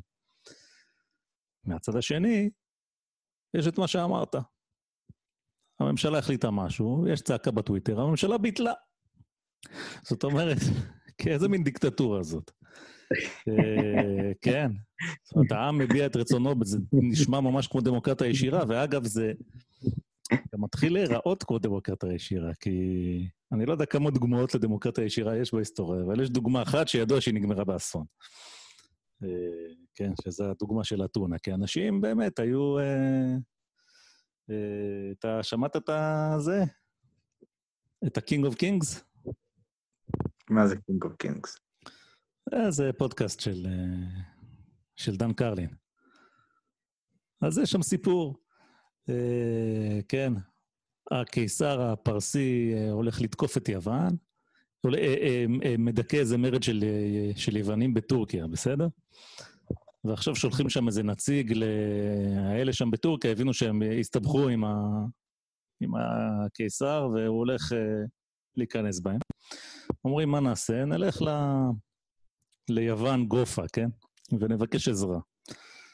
אז הם באים uh, לספרטה ולאתונה. נכנס שם הנציג לספרטה, מדבר עם המלך, אומר לו, תשמע, אנחנו הסתבכנו עם הפרסים, אה, אבל כדאי לך לבוא לעזור לנו, אתה תהיה בסוף אדון כל אסיה, כן? והפרסים האלה לא שווים כלום, ואתה תנצח אותם בלי בעיות, אתם הספרטנים לוחמים גדולים. ואז uh, המלך ככה מוצא חן בעיניו כל העניין, הוא אומר לו, תגיד, ושושן הבירה הזאת שאתה מדבר עליה, כמה צריך לצעוד בשביל להגיע לשם? ואז הוא בטעות אמר לו את האמת, ואני לא זוכר את ה... אה, אתה יודע, את המספר שהוא נקב בו, אבל אנחנו יודעים אה, מה המרחק של אה, איראן מיוון, כן? זה מרחק גדול, וזה המלך הספרטני הבין שזה גדול עליו בכמה מידות, ו... אומר לו, אתה מכרת לי פה כל מיני סיפורים, איך אני אהיה אדון אסיה וכל זה, כולנו נגבה ברעב לפני שנגיע שם להילחם במלך הזה שאתה מדבר עליו, סילק אותו בבושת פנים. אותו בן אדם הלך אחרי זה לאתונה. באתונה זה דמוקרטיה, שם יש אספה של העם, 30 אלף איש בערך. עומדים, אה, אתה יודע, ליד הגבעה, בן אדם עולה על הגבעה ונושא את הנאום שלו. ובסוף מצביעים. אז את האתונאים הוא כן הצליח לשכנע לעזור. אז כזה נאמר על זה, שכנראה יותר קל לרמות 30 אלף אנשים מאשר לרמות מלך אחד. זה ה... הלקח מה... מה... מהזמנים ההם. ובאמת, כן, כשהציבור מחליט, אז הציבור הוא, אתה יודע, הוא פשוט מאוד uh, מגוון, והוא... זה, מה זה הציבור? זה הטוויטר, אבל לא כולם בטוויטר. האספסוף. יש כל מיני צעקות, וברור שככה אי אפשר uh, לגבש איזושהי מדיניות קוהרנטית לאורך זמן. וכמו שאתה אומר, אם אנחנו משנים כיוון כל יומיים, אז ברור שאנחנו פשוט מבזבזים את הכוח שלנו, ופשוט נשארים על השם בחוץ. זה גם מאוד ברור. אז טוב, אני לא יודע מה יהיה. אבל uh, המצב מסובך והזוי, זה מה שאני כן יכול להגיד. כן, וכל אחד צריך, uh, א', לדאוג לעצמו עד כמה שהוא יכול. ב', אם אתה שואל אותי, כן, מה שקרוי בישראל בזלזול, שלטון הפקידים, אני חושב שצריך לתת לפקידים לנהל את העניין, ולא לנבחרי הציבור הלולבים שלנו. כן, נבחרי הציבור שלנו באמת, אה, אני חושב, הגיעו לאיזשהו שפל, אה, שפל מיוחד בזמן האחרון, כי זה באמת, אה, זה מערכת כמו בדיחה. כן, זה... זאת אומרת, וגם... הממשלה, אני זוכר שהכול התחיל, ואתה יודע, ביבי נתן את ההצגה שלו כל ערב, כשעוד היינו יושבים ורואים את זה, ובהתחלה זה הרגיש שבפעם הראשונה שהוא דיבר, זה קודם כל הוא הרגיש לי כאילו הוא בעצמו מפחד, שאני לא רגיל לראות את ביבי ככה. והיה את הסגר וליצמן וכל זה. והיו את כל הדיבורים, בואו נעשה ממשלת חירום, ואז, אה, כן, והיו קולות כאלה שאמרו, כן, אין מה לעשות, זה מצב חירום, והיו את אה, מה שאמרו שגנץ הוא, אה, כן, בוגד בבוחרים שלו אם הוא נכנס עם ביבי. אוקיי, כך או כך. אבל שורה תחתונה, אני חייב להגיד לך שההרגשה, המדינה הזאת תפקדה יותר טוב כשלא הייתה לה ממשלה, מאשר שכי לה ממשלה. לאט, לאט, לאט, לאט, לא, שנייה אחת. אני אסביר לך מה קורה פה. או, נו, בשביל זה אתה פה. בשביל זה אני פה. אני רואה שגם אתה קצת מבולבל, וזה מפתיע אותי, כי אתה בחור חכם. לא, אני מבולבל, כי אני לא בעניינים. בשביל זה אוקיי. אז שני דברים. דבר ראשון, הסגר, אה, שהיה בפברואר, מרץ, זאת אומרת, הוא היה תגובה אגרסיבית ומהירה של, ונכונה של מדינת ישראל. וזה מאוד מאוד אופייני למערכות פה. מדינת ישראל היא במין סוג של מצב חירום תמידי, והמערכות פה מורגלות לתפקד במצבי חירום, פחות או יותר. אבל מה, הסגר, מטרתו לא הייתה ל... להיות, אוקיי, בוא, בוא נשמיד את המחלה והיא לא תהיה יותר, אוקיי? הסגר, מטרתו הייתה לקנות זמן. אני לא יודע אם אתה זוכר, אבל לא היו, אה, לא היה מיגון, לא היה נהלים של התו הסגול למשל, וכל מיני דברים כאלה, כל מיני פעולות שנעשו כדי להתארגן לפתיחת הסגר. זאת אומרת, אנחנו בעצם, כל, כל ההתארגנות של מדינת ישראל הייתה צריכה להיות לפתיחת הסגר. אבל זה מה שנקרא חשיבה לטווח רחוק, וזה בישראל לא עובד. זאת אומרת, התגובה למצב החירום הייתה טובה. התגובה התכנונית לטווח ארוך לא עבדה טוב. לא עבדה טוב כי הגופים שיש בישראל פשוט לא עובדים ככה. לא, אין אה, צורת קבלת ההחלטות, וזה לא מסודרת כל כך. זה משהו שהוא מאוד נטוע בתרבות, ואתה רואה את זה לפעמים גם בהייטק. יש מעט חברות בישראל שהן צומחות, הולכות ונהיות גדולות יותר. מה שקורה בפועל, זה שזה מגיע לגודל מסוים שהתרבות הניהולית פשוט לא מאפשרת לחברה לצמוח. ואז קונים אותה, החברה עושה אקזיט. ומגיעים האמריקאים ומכניסים שיטות ניהול חדשות לגמרי, ופתאום כולם מתבלבלים, אומרים, אוקיי... אומרים, האמריקאים האלה אי אפשר לסבול אותם.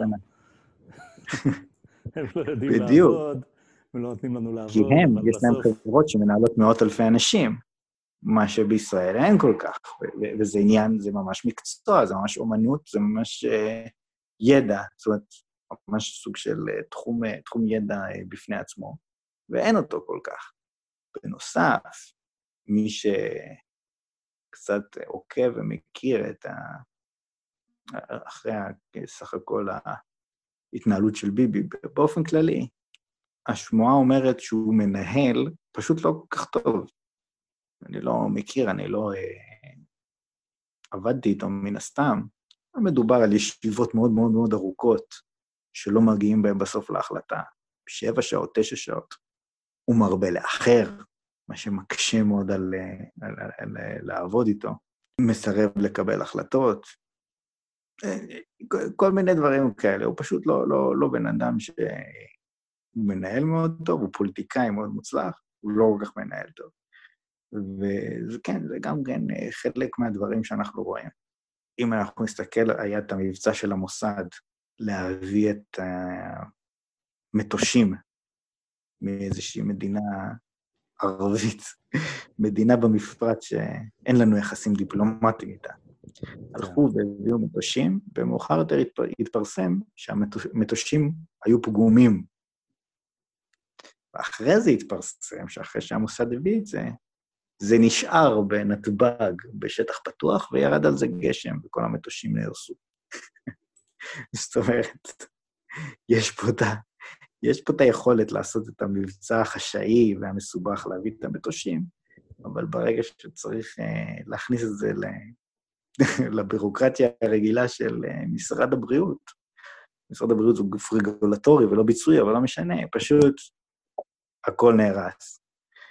Um, כן, ככה דברים מתנהלים פה. זה, זאת האמת.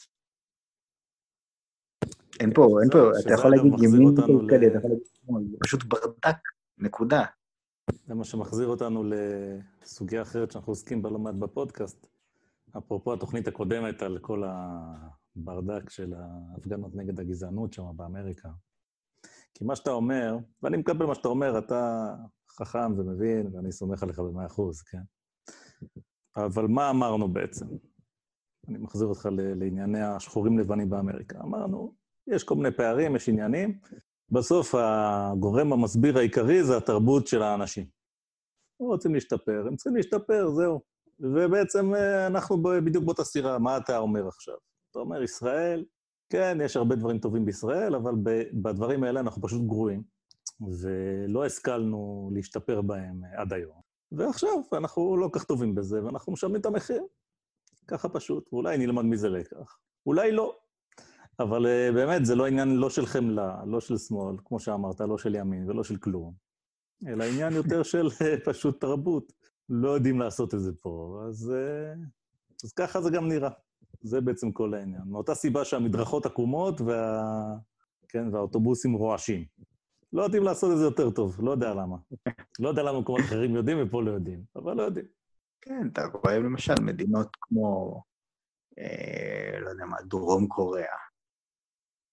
זאת אומרת, יש מדינות אחרות שהן נפגעו מהקורונה, וביולוגיה היא אותה ביולוגיה, אנשים הם אותם אנשים. וגם שם זה לא שאין גל שני, יש הכל. התפקוד הוא שונה לחלוטין. זאת אומרת, תפקוד המדינה, הדברים שמבצעים והשקיפות מול האזרח, הם אה, מתבצעים בצורה שונה לחלוטין, אין מה לעשות. זאת אומרת, היחיד באמת בממשלה שניסה לעשות זה אחרת, אה, היה נפתלי בנט. ו- ו- וזה ממש, זאת אומרת, זה אין לתאר, זה פשוט אין לתאר. מה עשה נפתלי בנט? הוא בא והוא פרסם בטוויטר את התוכנית שלו למלחמה בקורונה. והוא אומר, אנחנו צריכים כל הזמן לחשוב על איך כאילו לפתוח כמה שיותר, תוך כדי זה שאנחנו שומרים על מינימום הדבקה. זאת התוכנית. עכשיו הוא בא ופרסם את התוכנית לאזרחים. כל בן אדם יכול לקרוא ולהבין מה התוכנית של מר נפתלי בנט. אה, עכשיו, אתה אומר לעצמך, טוב, אוקיי, כאילו, מה, מה הסיפור הגדול? פרסם את התוכנית. האם אתה ראית תוכנית אחרת? האם מישהו אחר בממשלה הציג איזושהי תוכנית? ביבי אוקיי, למשל לא פרסם תוכנית. לא, יותר מזה, משרד הבריאות לא פרסם תוכנית. הוא גם לא פרסם מצע. הליכוד, ביבי מזמן כבר לא מפרסם מצע לקראת הבחירות. הוא אומר, מה, רק יתקפו אותי על זה, אין לי מה לפרסם מצע. אני רוצה להיות ראש ממשלה כי אני רוצה להיות ראש ממשלה. לא, ואני, ואני בתור בן אדם שאוהב את ביבי, כן, אבל זה, זו סיטואציה מגוחכת לחלוטין, אוקיי? זאת אומרת, אין פה בשום שלב, היה, מישהו הזכיר לי היום, ב-2011, הייתה המחאה החברתית על מחירי הדיור כביכול. כן. זה ביבי אמר, אוקיי, בואו נעשה אה, את הווד"לים, ועדות לאומיות לבנייה, שיקצצו בבירוקרטיה, הוא קרא לזה סופר טנקר לבירוקרטיה. הסופר טנקר הרי זה מהשרפה בכרמל, שהוא הביא מלא מלא מטוסים, כולל את הסופר טנקר הזה מארצות כן. הברית, שבסוף לא עשו בו שום שימוש, לא משנה. הקיצר, אז הווד"לים האלה, זה היה אמור לקצץ בבירוקרטיה ולהגדיל את מספר התחלות הבנייה, מה שלא קרה בפועל. פשוט זה לא קרה. זה גם רעיון מעניין כשלעצמו, כן. בוא נילחם בבירוקרטיה על ידי זה שנקים ועדה. רעיון מעניין. אני לא יודע אם היה שם גם, אה, אה, אתה יודע, גם להוריד כמה ועדות, או שזה ועדה אבל שתחליט איזה זה ועדות לסגור, או אני לא יודע מה. בסוף זה פשוט לא קרה. זאת אומרת, אם אתה בא ואתה אומר, אוקיי, אני רוצה לראות איך ביבי מתפקד כסתם מנהל שבא, ואומר, אוקיי, אני רוצה, אה, לפ- לא יודע מה, לקדם עם נושא מסוים, לא הנושא הפוליטי של לחסל את יריביו, שבזה אין שני לו, אלא במשהו שהוא ממש ל- ל- ל- ל- לקדם איזשהו עניין ציבורי כלשהו, שהוא שם אותו בראש סדר העדיפויות כביכול. ואתה יודע, זה נשמע בכלל, זאת אומרת, גם פה- אנחנו... ואני רוצה קצת להגן על ביבי, ברשותך, כי... כי אני מחזיר אותך לנקודה ש... שאמרתי קודם. ביבי הוא לא באמת מנהל, ביבי הוא ראש ממשלה. הוא ראש ממשלה במדינה שיש לה פרלמנט אה, די משוסע, עם הרבה מאוד מפלגות. אה, זה לא כמו איזה מנכ"ל בהייטק שמשלם משכורת ומה שהוא אומר, אה, אתה יודע, אמורים בגדול לעשות מה שהוא רוצה. גם בחברת הייטק יש כוחות, ואתה יודע, אנשים שדוחפים לפה ולפה, וזה שהמנכ"ל רוצה משהו, זה לא אומר שזה יקרה. אז על אחת כמה וכמה, כשהפקודים שלך, לצורך העניין, הם תכלס לא חייבים לך כלום, ולמחרת הם יכולים להצביע נגדך. ופה נכנס העניין של התרבות. זאת אומרת, ביבי, כן, ביבי יש לו את הבעיות שלו, אני לא אומר שביבי מושלם. אבל בסוף, אם ביבי לא מפרסם מצע, ובצדק, כי בשביל מה? ממילא הוא יעשה אחר כך משהו אחר. ומפרסם מצע, אז רק ירדו עליו. וגם ככה, זה לא כזה מפריע לאף אחד. מי שמצביע לביבי, מצביע לביבי בלי מצע, ומי שלא מצביע לו, לא יצביע לו גם עם מצע. זה מה שאתה יודע, הזכרנו את זה כבר, נדמה לי, בפרק הקודם. אולי איזושהי הידרדרות של התרבות באופן כללי. גם לא, לא, לא, לא, לא, לא, לא, לא הידרדרות, זה לא הידרדרות, זאת התרבות, אין פה שום הידרדרות, זה פשוט ככה. לא, בסדר, אתה יודע מה, בסדר, לא הידרדרות. זה התרבות שיש לנו, זה מה שאנחנו מצליחים להוציא, ואם אנחנו רוצים להיות יותר טובים, אז אנחנו צריכים אה, ללמוד איזה לקח או שניים אה, ממדינות ש... שמתנהלות באופן כללי יותר טוב. אה, ולראות אם אנחנו יכולים לסגל כמה מהרגילים הטובים שלהם אלינו. אבל מה שרציתי כן. להגיד בהקשר השני, שאני אני קושר את זה שוב לארצות הברית, אתה יודע, כי כל דבר קשור לארצות הברית. גם שם אתה רואה איזשהו ברדק, חוסר יכולת של השלטון אה, לשלוט, אה, חוסר אמון בין האזרחים לשלטון, מאוד מאוד גדול, ואני לא בטוח שאין פה איזשהו תהליך ש... לפחות בחלק מהמדינות בעולם, כי אני לא חושב שכל המדינות נמצאות באזור הזה. כי אמרת דרום קוריאה, ויש עוד הרבה מאוד מדינות שהן לא במצב הזה. אבל אה, אולי כן, בחלק מהמדינות, ש... שכל האלמנט התרבותי של היכולת של אנשים לדבר אחד עם השני בכלל, לא נעלם בהם, אז אולי הן מתנהלות יותר טוב.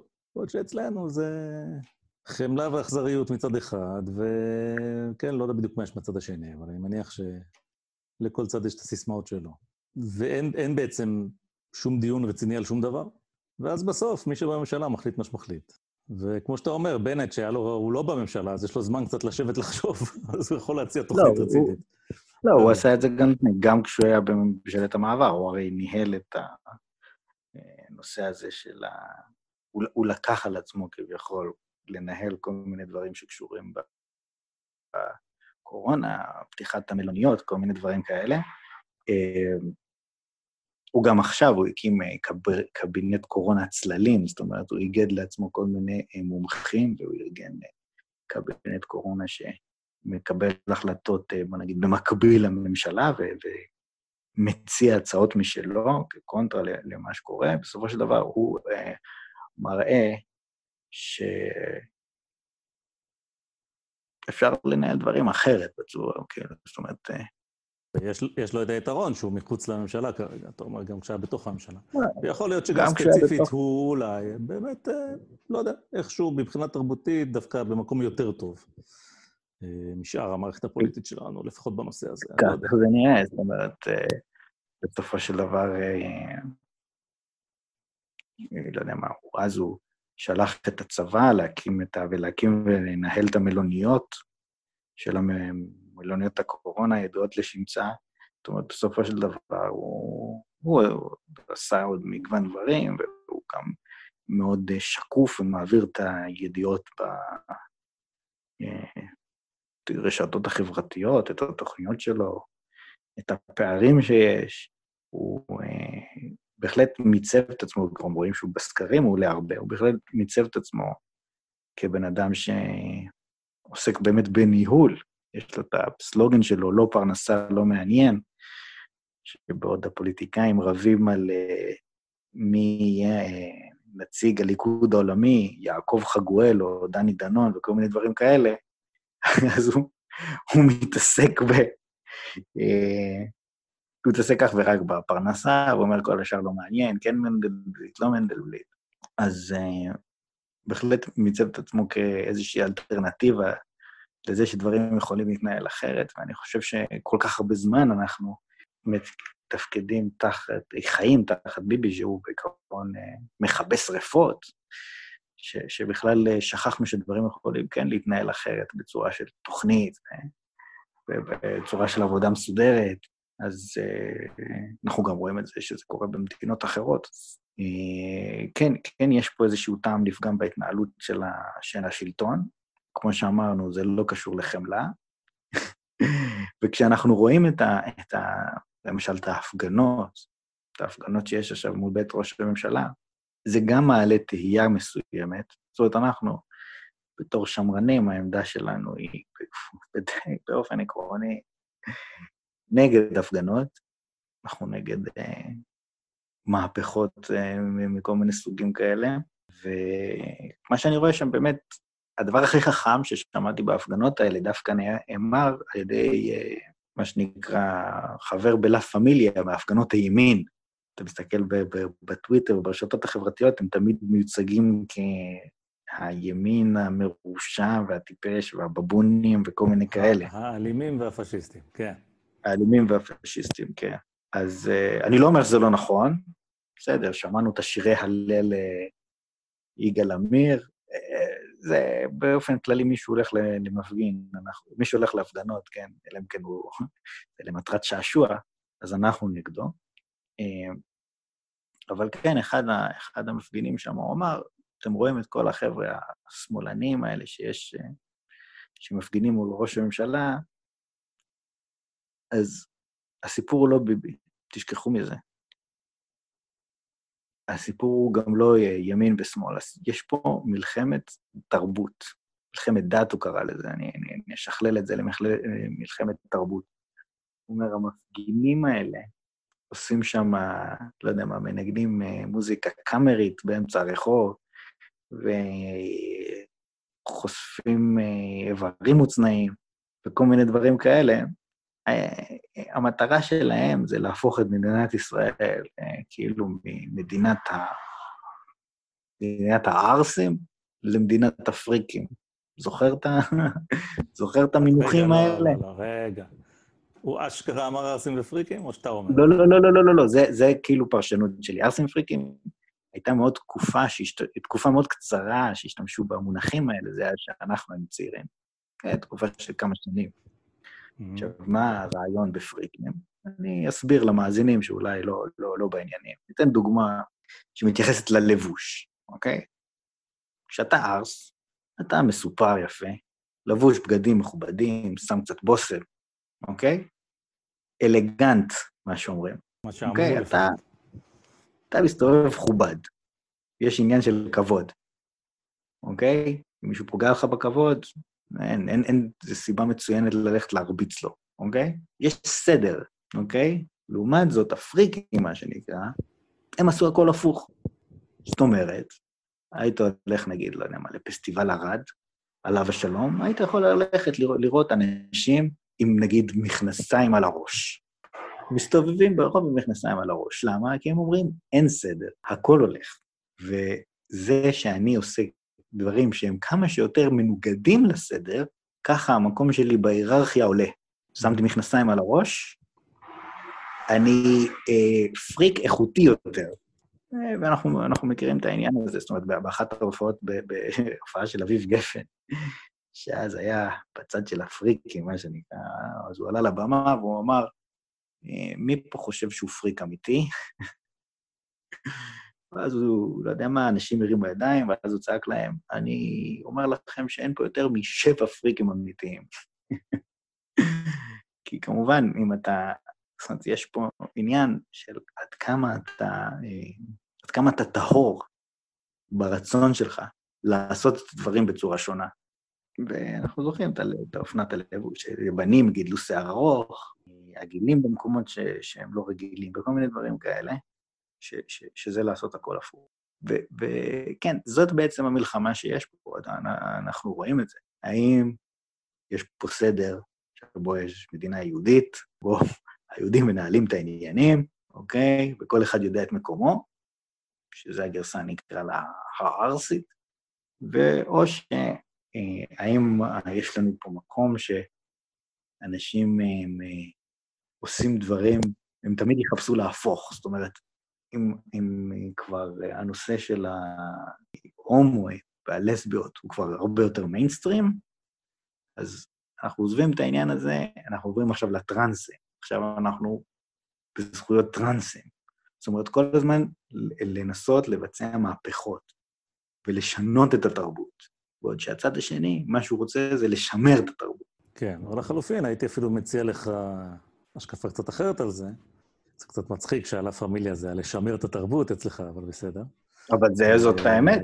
לא, זה, אני מקבל מה שאתה אומר, אני, זה פשוט טיפה מצחיק, פשוט מבחינת התדמית הציבורית, אבל אה, גם זה סוג של תרבות. אבל מה שרציתי לומר זה, כן, הצורך, בוא נגיד, אה, זה גם, אה, כמו שאמרנו, דבר, אה, בסופו של דבר אמריקאי ש, שמתפשט, או הגיע לאיזושהי פריחה באמריקה ומתפשט. אני לאחרונה התחלתי קצת, אתה יודע, קצת להיכנס לזה.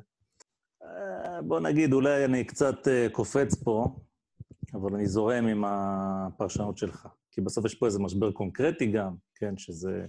אני לא יודע אם זה מה שמוציא את האנשים להפגנות, או זה מה שנותן לגיטימציה לאלה שממילא היו רוצים לצאת. ויש את העניין, אתה יודע, של ההסתכלות על העולם, אמרת זכויות של, אה, של להט"בים, בפריזמה אחת בלבד של יחסי כוח. וזו פריזמה שהיא תמיד, אה, אולי זה מתחבר אה, ככה, סוגר מעגל עם, עם המונולוג של תומש. על חמלה ואכזריות. כי מאיפה האכזריות מגיעה? אלה שיש להם את הכוח, הם, אתה יודע, מזמברים את אלה שאין להם כוח. אבל זה הדרך היחידה שבה הם רואים את העולם. זאת אומרת, אני לא כופר בזה שיש יחסי כוח בעולם, אבל אני לא חושב שזה הדבר היחיד שיש. יש עוד כל מיני דברים. למשל, יש עובדות, משהו שאנחנו ככה מאוד חובבים בפודקאסט הזה ומנסים, אה, אה, אתה יודע, או לדבר על עובדות שאנחנו יודעים, או לפחות לדבר על עובדות בצורה היפותטית, אם אנחנו לא יודעים את העובדות. גם זה דבר שקיים בעולם, ולא רק יחסי כוח ואתה יודע, והשיח המסוים שמקובל ושיח אחר שלא מקובל. ובאמת, כשאתה רואה כל צורה של כוח כרעה, אתה תמיד תחפש לעשות את המהפכה הבאה. והדבר הכי גרוע שיכול לקרות לך זה שהמהפכה תצליח, אז באמת אתה תהפוך להיות, ה... אתה יודע, זה שמדכא את האחרים. שגם אפרופו... לא, אתה פשוט תעבור למהפכה הבאה, זה לא... כן, או שתעבור למהפכה הבאה, כן. תלוי, תלוי איזה מין סוג של מהפכן אתה, אם אתה אה, טרוצקי או, או, או סטלין, כן? יש מהפכנים ויש מהפכנים. אבל מה שבטוח, ברגע שהמהפכה מצליחה קצת, החמלה נעלמת מהר מאוד, כן? המהפכה לא חומלת על אלה שלא היו בעד המהפכה, נגיד את זה ככה. זה בעצם הסיבה שאני חושב, לפחות אני רואה ככה את הדברים. לא, לא רק שאנחנו נגד מהפכות, כי זה לא אחראי. כי לעשות מהפכה זה קל, בואו נשבור את הכלים. לשבור את הכלים זה קל. זה הרבה יותר קל מלעשות שיהיו כלים מלכתחילה. לשבור את הכלים. אחרי זה יש לך כלים שבורים, מה עכשיו? זה בדרך כלל המהפכנים לא נותנים תשובה טובה. אז לא, לא, רק, לא רק שזה לא אחראי, זה גם הרבה פעמים נגמר מאוד רע. כי כשהאופן פעולה שלך זה בכלל השיח, ה, ה, ה, המילים האלה, כל ההיצמדות הזאת למוסר, לחמלה, לאכזריות, ולא דיבור במונחים של זה יותר כדאי, זה יעבוד יותר טוב. אפילו לה פמיליה כזה, שהוא אומר, אני רוצה, לא יודע מה, מדינה יהודית ושרק ליהודים יהיה מותר להיות פה. לא, לא, לא, לא, לא, זה לא, משהו. זה לא משהו. לא, אני מכיר, אני מכיר אפילו, אני לא זוכר, אנשים, בתור ירושלמי לשעבר, אנשים לא מלב על הפמיליה, אבל בהחלט uh, מהמעגל החיצוני. כן. שעובדים עם ערבים יומיומית, יומיומית. מדברים את השפה הערבית, ומכבדים, אבל יש סדר, יש מעמד. בסדר, אני מקבל. אז אני אומר, גם אם אני לא מאה אחוז מסכים עם זה, היתרון של הדבר הזה שזה מטרה סופית. זאת אומרת, זה משהו שאפשר להגיע אליו. יכול, הסדר הזה יכול להתקיים. לעומת זאת, זה שתהיה חמלה כלפי כולם כל הזמן, ולאף אחד לא יהיה קשה בחיים, זה משהו שאי אפשר להגיע אליו. וכשאתה מנסה להגיע אליו, אנחנו יודעים מה קורה. וזה בעצם אולי הסיבה שתמיד אני בסוף אלך ימינה. אני חושב, אתה יודע, never say never. אבל אה, זה בעצם מה שקשה לי עם, אה, עם שמאל. השמאל הוא עם קצוות פתוחים, מה שנקרא. זה לא נגמר אף פעם. אצל הימין יש מטרה, שאפשר להגיע אליה, לפעמים זו מטרה נוראית. לא, אני לא בעד כל דבר ש... שחברים של כבוד בלה פמיליה רוצים לעשות. אבל אני חושב שיש כאן איזה הבדל ב... אתה יודע, בצורה של, ה, של הטענות, בצורת חשיבה אפילו. אתה יודע, אצל השמאל אתה יכול למצוא כל מיני סלוגנים כאלה, כמו אה, אה, אנש, שאנחנו נכריח את האדם להיות חופשי, דברים כאלה. וזה נשמע להם הגיוני. תראה... זה מהלך רטורי מבריק, אני לא אומר שלא, אבל... זה אתה לא תמצא בימין. תראה, כן, יש, אה, יש למשל קטע בשמאל, שהוא אה, להצביע על הרשימה המשותפת. אומרים, מה, אה, זה הדבר היחיד שהוא שמאל אמיתי, המשותפת. עכשיו, אה, לאחרונה עלה ניצן הורוביץ, ניצן הורוביץ שהוא שמאל, כן? והוא מלא בחמלה. אני אסביר לך מה הוא עשה, כאילו, אני לא בטוח שאתה יודע. מה שהוא עשה, זה הוא העלה חוק להצבעה. והחוק הזה זה חוק שאוסר על uh, טיפולי המרה. אה, כן, יש עכשיו הרבה מהומה על זה עכשיו. נכון. עכשיו, מה קרה? הממשלה לא בנויה להתמודד עם חוק כזה, וחלק הצביעו בעד וחלק הצביעו נגד החוק. שבאופן עקרוני, הקואליציה כולה הייתה אמורה להצביע נגד החוק. עכשיו, ניצן הורוביץ הוא מלא בחמלה, נכון? ודאי. אבל עכשיו, באמצע משבר הקורונה, הוא מעלה הצעת חוק שמטרתה לפרק את הממשלה וללכת שוב לבחירות. כן. או מהלך פוליטי יפה, כי הוא באמת הצליח. האם זאת הדרך אה, לעזור לאנשים הכי חלשים בחברה, או האם זאת הדרך של ניצן הורוביץ לכזה, לחזק את כוחו הפוליטי? לא משנה. בכל מקרה, מה שקורה, הצביעו חברי הכנסת של חד"ש, שזה איימן עודה, עאידה תומא סולימאן ועופר כסיף, הם באמת הצביעו בעד החוק שאוסר טיפולי המרה.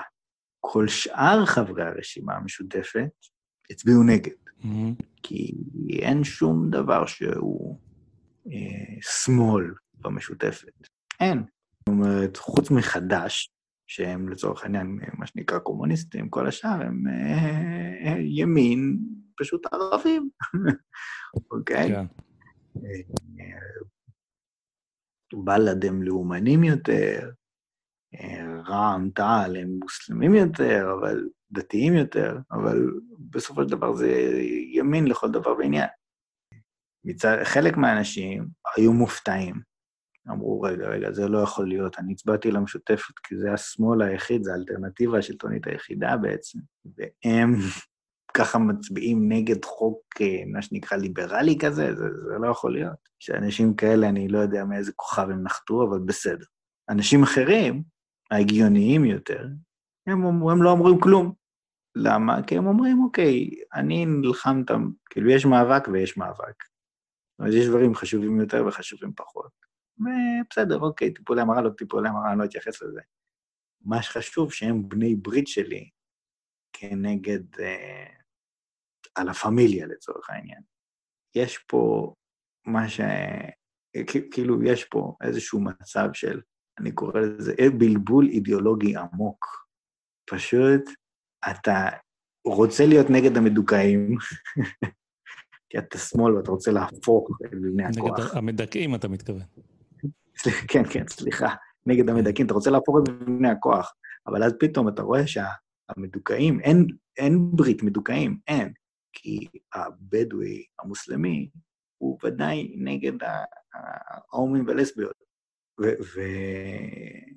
וזה פלונטר שאי אפשר לצאת ממנו. טוב, אולי, אתה יודע, אולי זה רומז, אני לא רוצה כאן להגיד אמירות קיצוניות, אבל אולי זה רומז על זה שלא כל בני אדם מתחלקים למדוכאים ומדכאים. אולי, אולי החלוקה הזאת של העולם לא תופסת לחלוטין, אני לא אומר בכלל, לא תופסת לחלוטין את כל הספקטרום האנושי אה, שקיים אפילו במקום קטן כמו ישראל, שלא לדבר על בכלל. וכן, תשמע, קשה, יש... אה, לכן, זה- אם הגישה, הגישה שלנו, אוקיי, הגישה שלנו אומרת, זה לא שאנחנו, אה, כיוון שאנחנו בעד סדר, כן? זה לא אומר שאנחנו בצד של הלה פמיליה. לה פמיליה, לצורך העניין, יש בהם אה, איזשהו, הניחון ככה גזעני הזה, לא, לא מתאים לנו, אבל אנחנו כן חושבים שכדי להגיע למצב שבו אה, אנחנו ממקסמים את האושר של כולם ואנחנו הופכים את המקום, את העולם למקום שיותר טוב לחיות בו, זה על ידי כל פעם לעשות צעדים קטנים ומדודים שמשפרים קצת את המצב כל פעם. ואנחנו לא מסתכלים על העולם כיש מדכאים ומדוכאים, ואנחנו צריכים לעשות הפיכות כל הזמן כדי להגיע למצב של איזשהו שוויון מדומיין. לא. אנחנו בסך הכל אומרים, אוקיי, אנחנו מסתכלים על הסיטואציה כמו שהיא, ומנסים כל פעם לשפר אותה קצת, עד אה, שנגיע ל... כמובן, זה שינוי מתמיד, אין לך... אה, אה, אתה אף פעם לא מגיע לנקודת שיווי משקל בהקשר הזה. תמיד אה, אפשר אה, לעשות עוד שיפור, אבל הכל נעשה בצורה שקולה ומדודה. כן, שזה אגב, אם אתה רוצה. להתעלות באילן גבוה, זה מה שנקרא קרל פופר. כן, החברה הפתוחה ואויביה. זה ספר שלם באלף עמודים, הוא אומר את מה שאתה אמרת עכשיו בשתי דקות. אה, אז מי שרוצה לקרוא, אה, אה, מומלץ לו. ואני אוסיף על זה עוד דבר קטן, בסדר, זו המדיניות כללית ששנינו מסכימים שהיא נכונה, ולצורך העניין מערכת אדם אקראי, זה הקו שהיא נוקטת, אם יש דבר כזה בכלל. ובמצב כזה, כמו משבר הקורונה, הסולידריות האמיתית היא לשים את האינטרסים הרגילים שלך קצת בצד, ולנסות לעשות אופטימיזציה של הבעיה הגדולה, ולצורך העניין, אה, פועלו של בנט בעניין הזה הוא נראה לנו כמו דבר אה, שפוי יותר אה, מההתנהלות כמו שהיא בפועל. ולא, אתה יודע, סולידריות שהיא לצורך העניין רק בשביל שתוכל להגיד שאתה סולידרי. שפשוט אומרת, בוא נשפוך את הכסף על כולם, וכל מי שצועק יקבל כדי שלא יהיו פה מסכנים. הרי מי שצועק לא סתם צועק, הוא צועק כי כואב לו. אנחנו לא רוצים שלאנשים יכאב, ולכן... לא, מה שצריך להגיד, אני אמרתי את זה, אגב, כאן בפודקאסט. תן לי שנייה לסיים ואז תגיד. כן, אמרתי כן. את זה במונולוג שלי שעשיתי על הקורונה. אמרתי, מה שלא יהיה, ואתה יודע, עכשיו אנחנו כבר כמה חודשים אחרי, ואנחנו יודעים קצת יותר, אבל זה ברור שזה הולך להיות חרא. ותתכוננו. כי הולך להיות חרא באיזושהי רמה, ואנחנו צריכים לנסות לצאת עם נזק אה, קטן ככל האפשר, אבל בלי נזק בכלל. לא יכול להיות פשוט, לא יכול להיות, יש מציאות. והמציאות היא שעכשיו יש מחלה שלא הייתה קודם, זו מחלה מדבקת, ולפעמים מחלה קשה, וידה ידה, אנחנו מכירים כבר את כל הסיפורים. וזה פשוט אה, על הפנים, עדיף שלא הייתה המחלה, אבל יש אותה. וזה הולך לפגוע בכולם, וזה מה שהולך לקרות עכשיו. אז uh, אתה יודע, ולא פשוט, יש לך הרגשה כזאת שהשקולות ששומע, אני דורש לא להיפגע מהמגפה הזאת. הוא יכול לדרוש, בסוף היא תפגע בכולנו, זה, אתה יודע, כמה שנתנהל יותר טוב, היא תפגע פחות אנשים, תפרגן להם. לא, לא, לא, אני רוצה ש... או שכולם ייפגעו או שאף אחד לא ייפגע. זה מין, כן, זה ככה ברוח השוויון. טוב, תגיד עכשיו מה שרצית קודם. כן, רציתי גם את אה, שני, שני דברים שעלו לי בהקשר של הדברים שאמרת. קודם כל, אנחנו מכירים את המושג שנקרא האביב הערבי. כן, אביב ירוק הפך צהוב, מה שנקרא. זה היה, בעצם היה מהפכות, היה מהפכות בכל מיני אה, מדינות ערביות מסביבנו, ולא לא, לא בהכרח תמיד זה נגמר בטוב.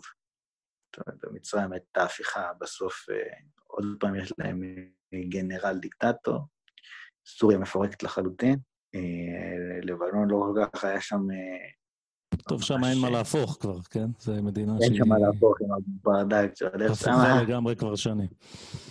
כן, אנחנו מכירים את הבלאגן שקורה בלוב. בקיצור, לא תמיד המהפכה הזאת שאתה עושה מביאה לתוצאות הרצויות. ואז באמת, כמו שאמרת, אתה נשאר עם הכלים השבורים.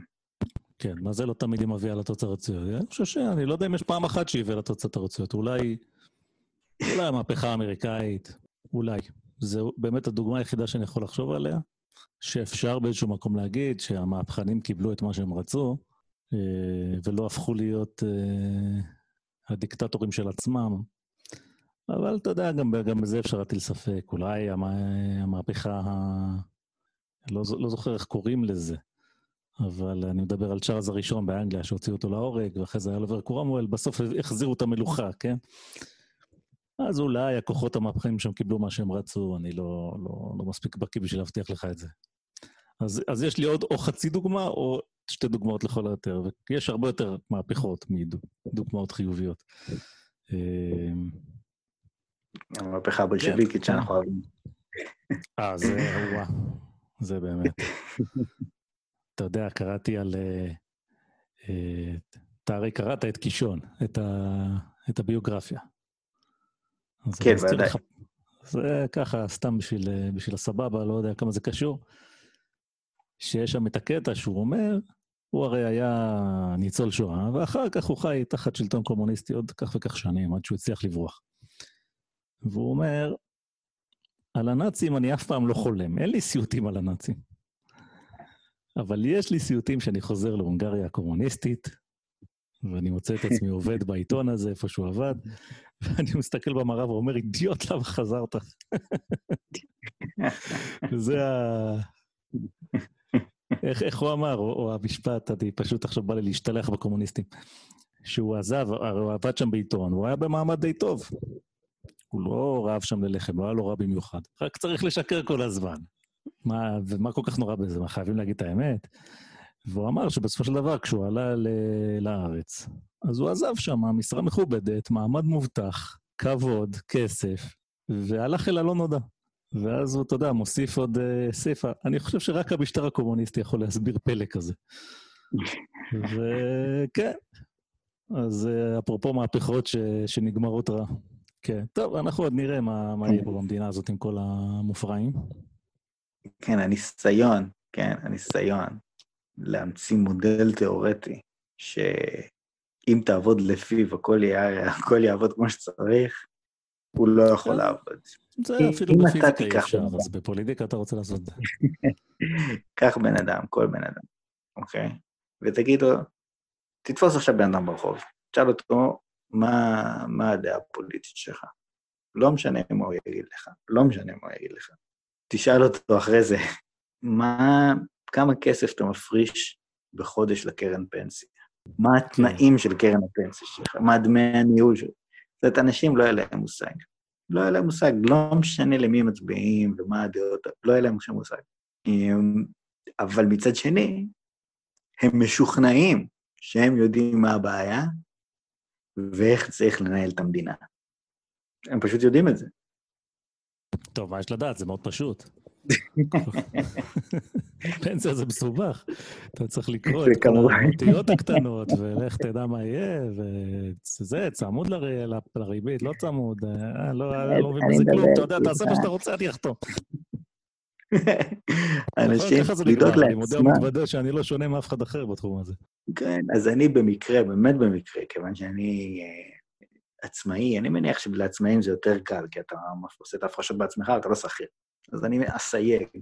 למרות שגם עצמאים, אני לא בטוח שהם יודעים עד הסוף.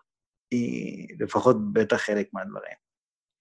אבל שכירים בוודאי שאין להם מושג וחצי מושג מה קורה. אנשים, הנה אפילו תומש, בחור רציני וחכם וכל הדעות, חושב שביטוח לאומי זה, זה, זה ביטוח ולא מס. זאת אומרת, אם אני מבקש מבן אדם, אם אני אתן משימה לבן אדם, אם אני אשאל אותו כמה הוא מוציא בחודש, אני בספק אם אנשים, אנשים יודעים להגיד כמה, זה, כמה נכנס. למה? כי כמה נכנס זה קל. יש להם מקור הכנסה אחד או משהו כזה, אז הם ידעו להגיד. כמה מוציאים בחודש, הם לא ידעו להגיד. כי זה מסובך. יש הרבה הוצאות, אתה לא יודע בדיוק. ואם אני אבקש מהם, עכשיו תקטינו את ההוצאות שלכם לשנה הקרובה בממוצע ב-500 שקל. אני בספק אם אנשים יצליחו לעמוד בזה. כן. למרות שכל בן אדם לצורך העניין צריך לעשות את זה. זאת אומרת, אם אתה מתלונן על המצב הכלכלי, אה, אחת השיטות אה, לשפר את מצבך זה להוריד את, ה- להוריד את ההוצאות. ובאותה נשימה, כולם משוכנעים שהם יכולים לנהל את המדינה. הכל מה שצריך זה קצת יותר חמלה. קצת יותר חמלה, ואנחנו אומרים, כל מה שצריך זה קצת יותר צניעות. אבל זה. קשה. זה קשה. גם פסיכולוגית זה קשה, כי לבן אדם לא נעים לו להגיד לעצמו, תכלס, אני די מטומטם, מה אני כבר מבין? כן, שהרי אנחנו אומרים את זה כל הזמן, אבל אתה יודע, זה לא נעים, אתה, אתה בסופו של דבר גם, גם באיזשהו מקום נדרש להביע את דעתך, כי כל האחרים מביעים את דעתם, אתה יודע, יש גם עניין חברתי פה. אה, תמיד אני הרגשתי. שלא בנוח, אתה יודע, בשיחות מקום עבודה, אתה יושב, אני בדרך כלל מדבר לא על פוליטיקה, אבל על אה, דברים אחרים שאני לא מבין בהם כלום, כמו שוק ההון, כן? אז אתה יודע, אנשים מדברים, ההוא, השם, זה פה. עכשיו, אני יודע שלי אין מושג, אז לי זה לא נעים, אני מרגיש חסר ביטחון.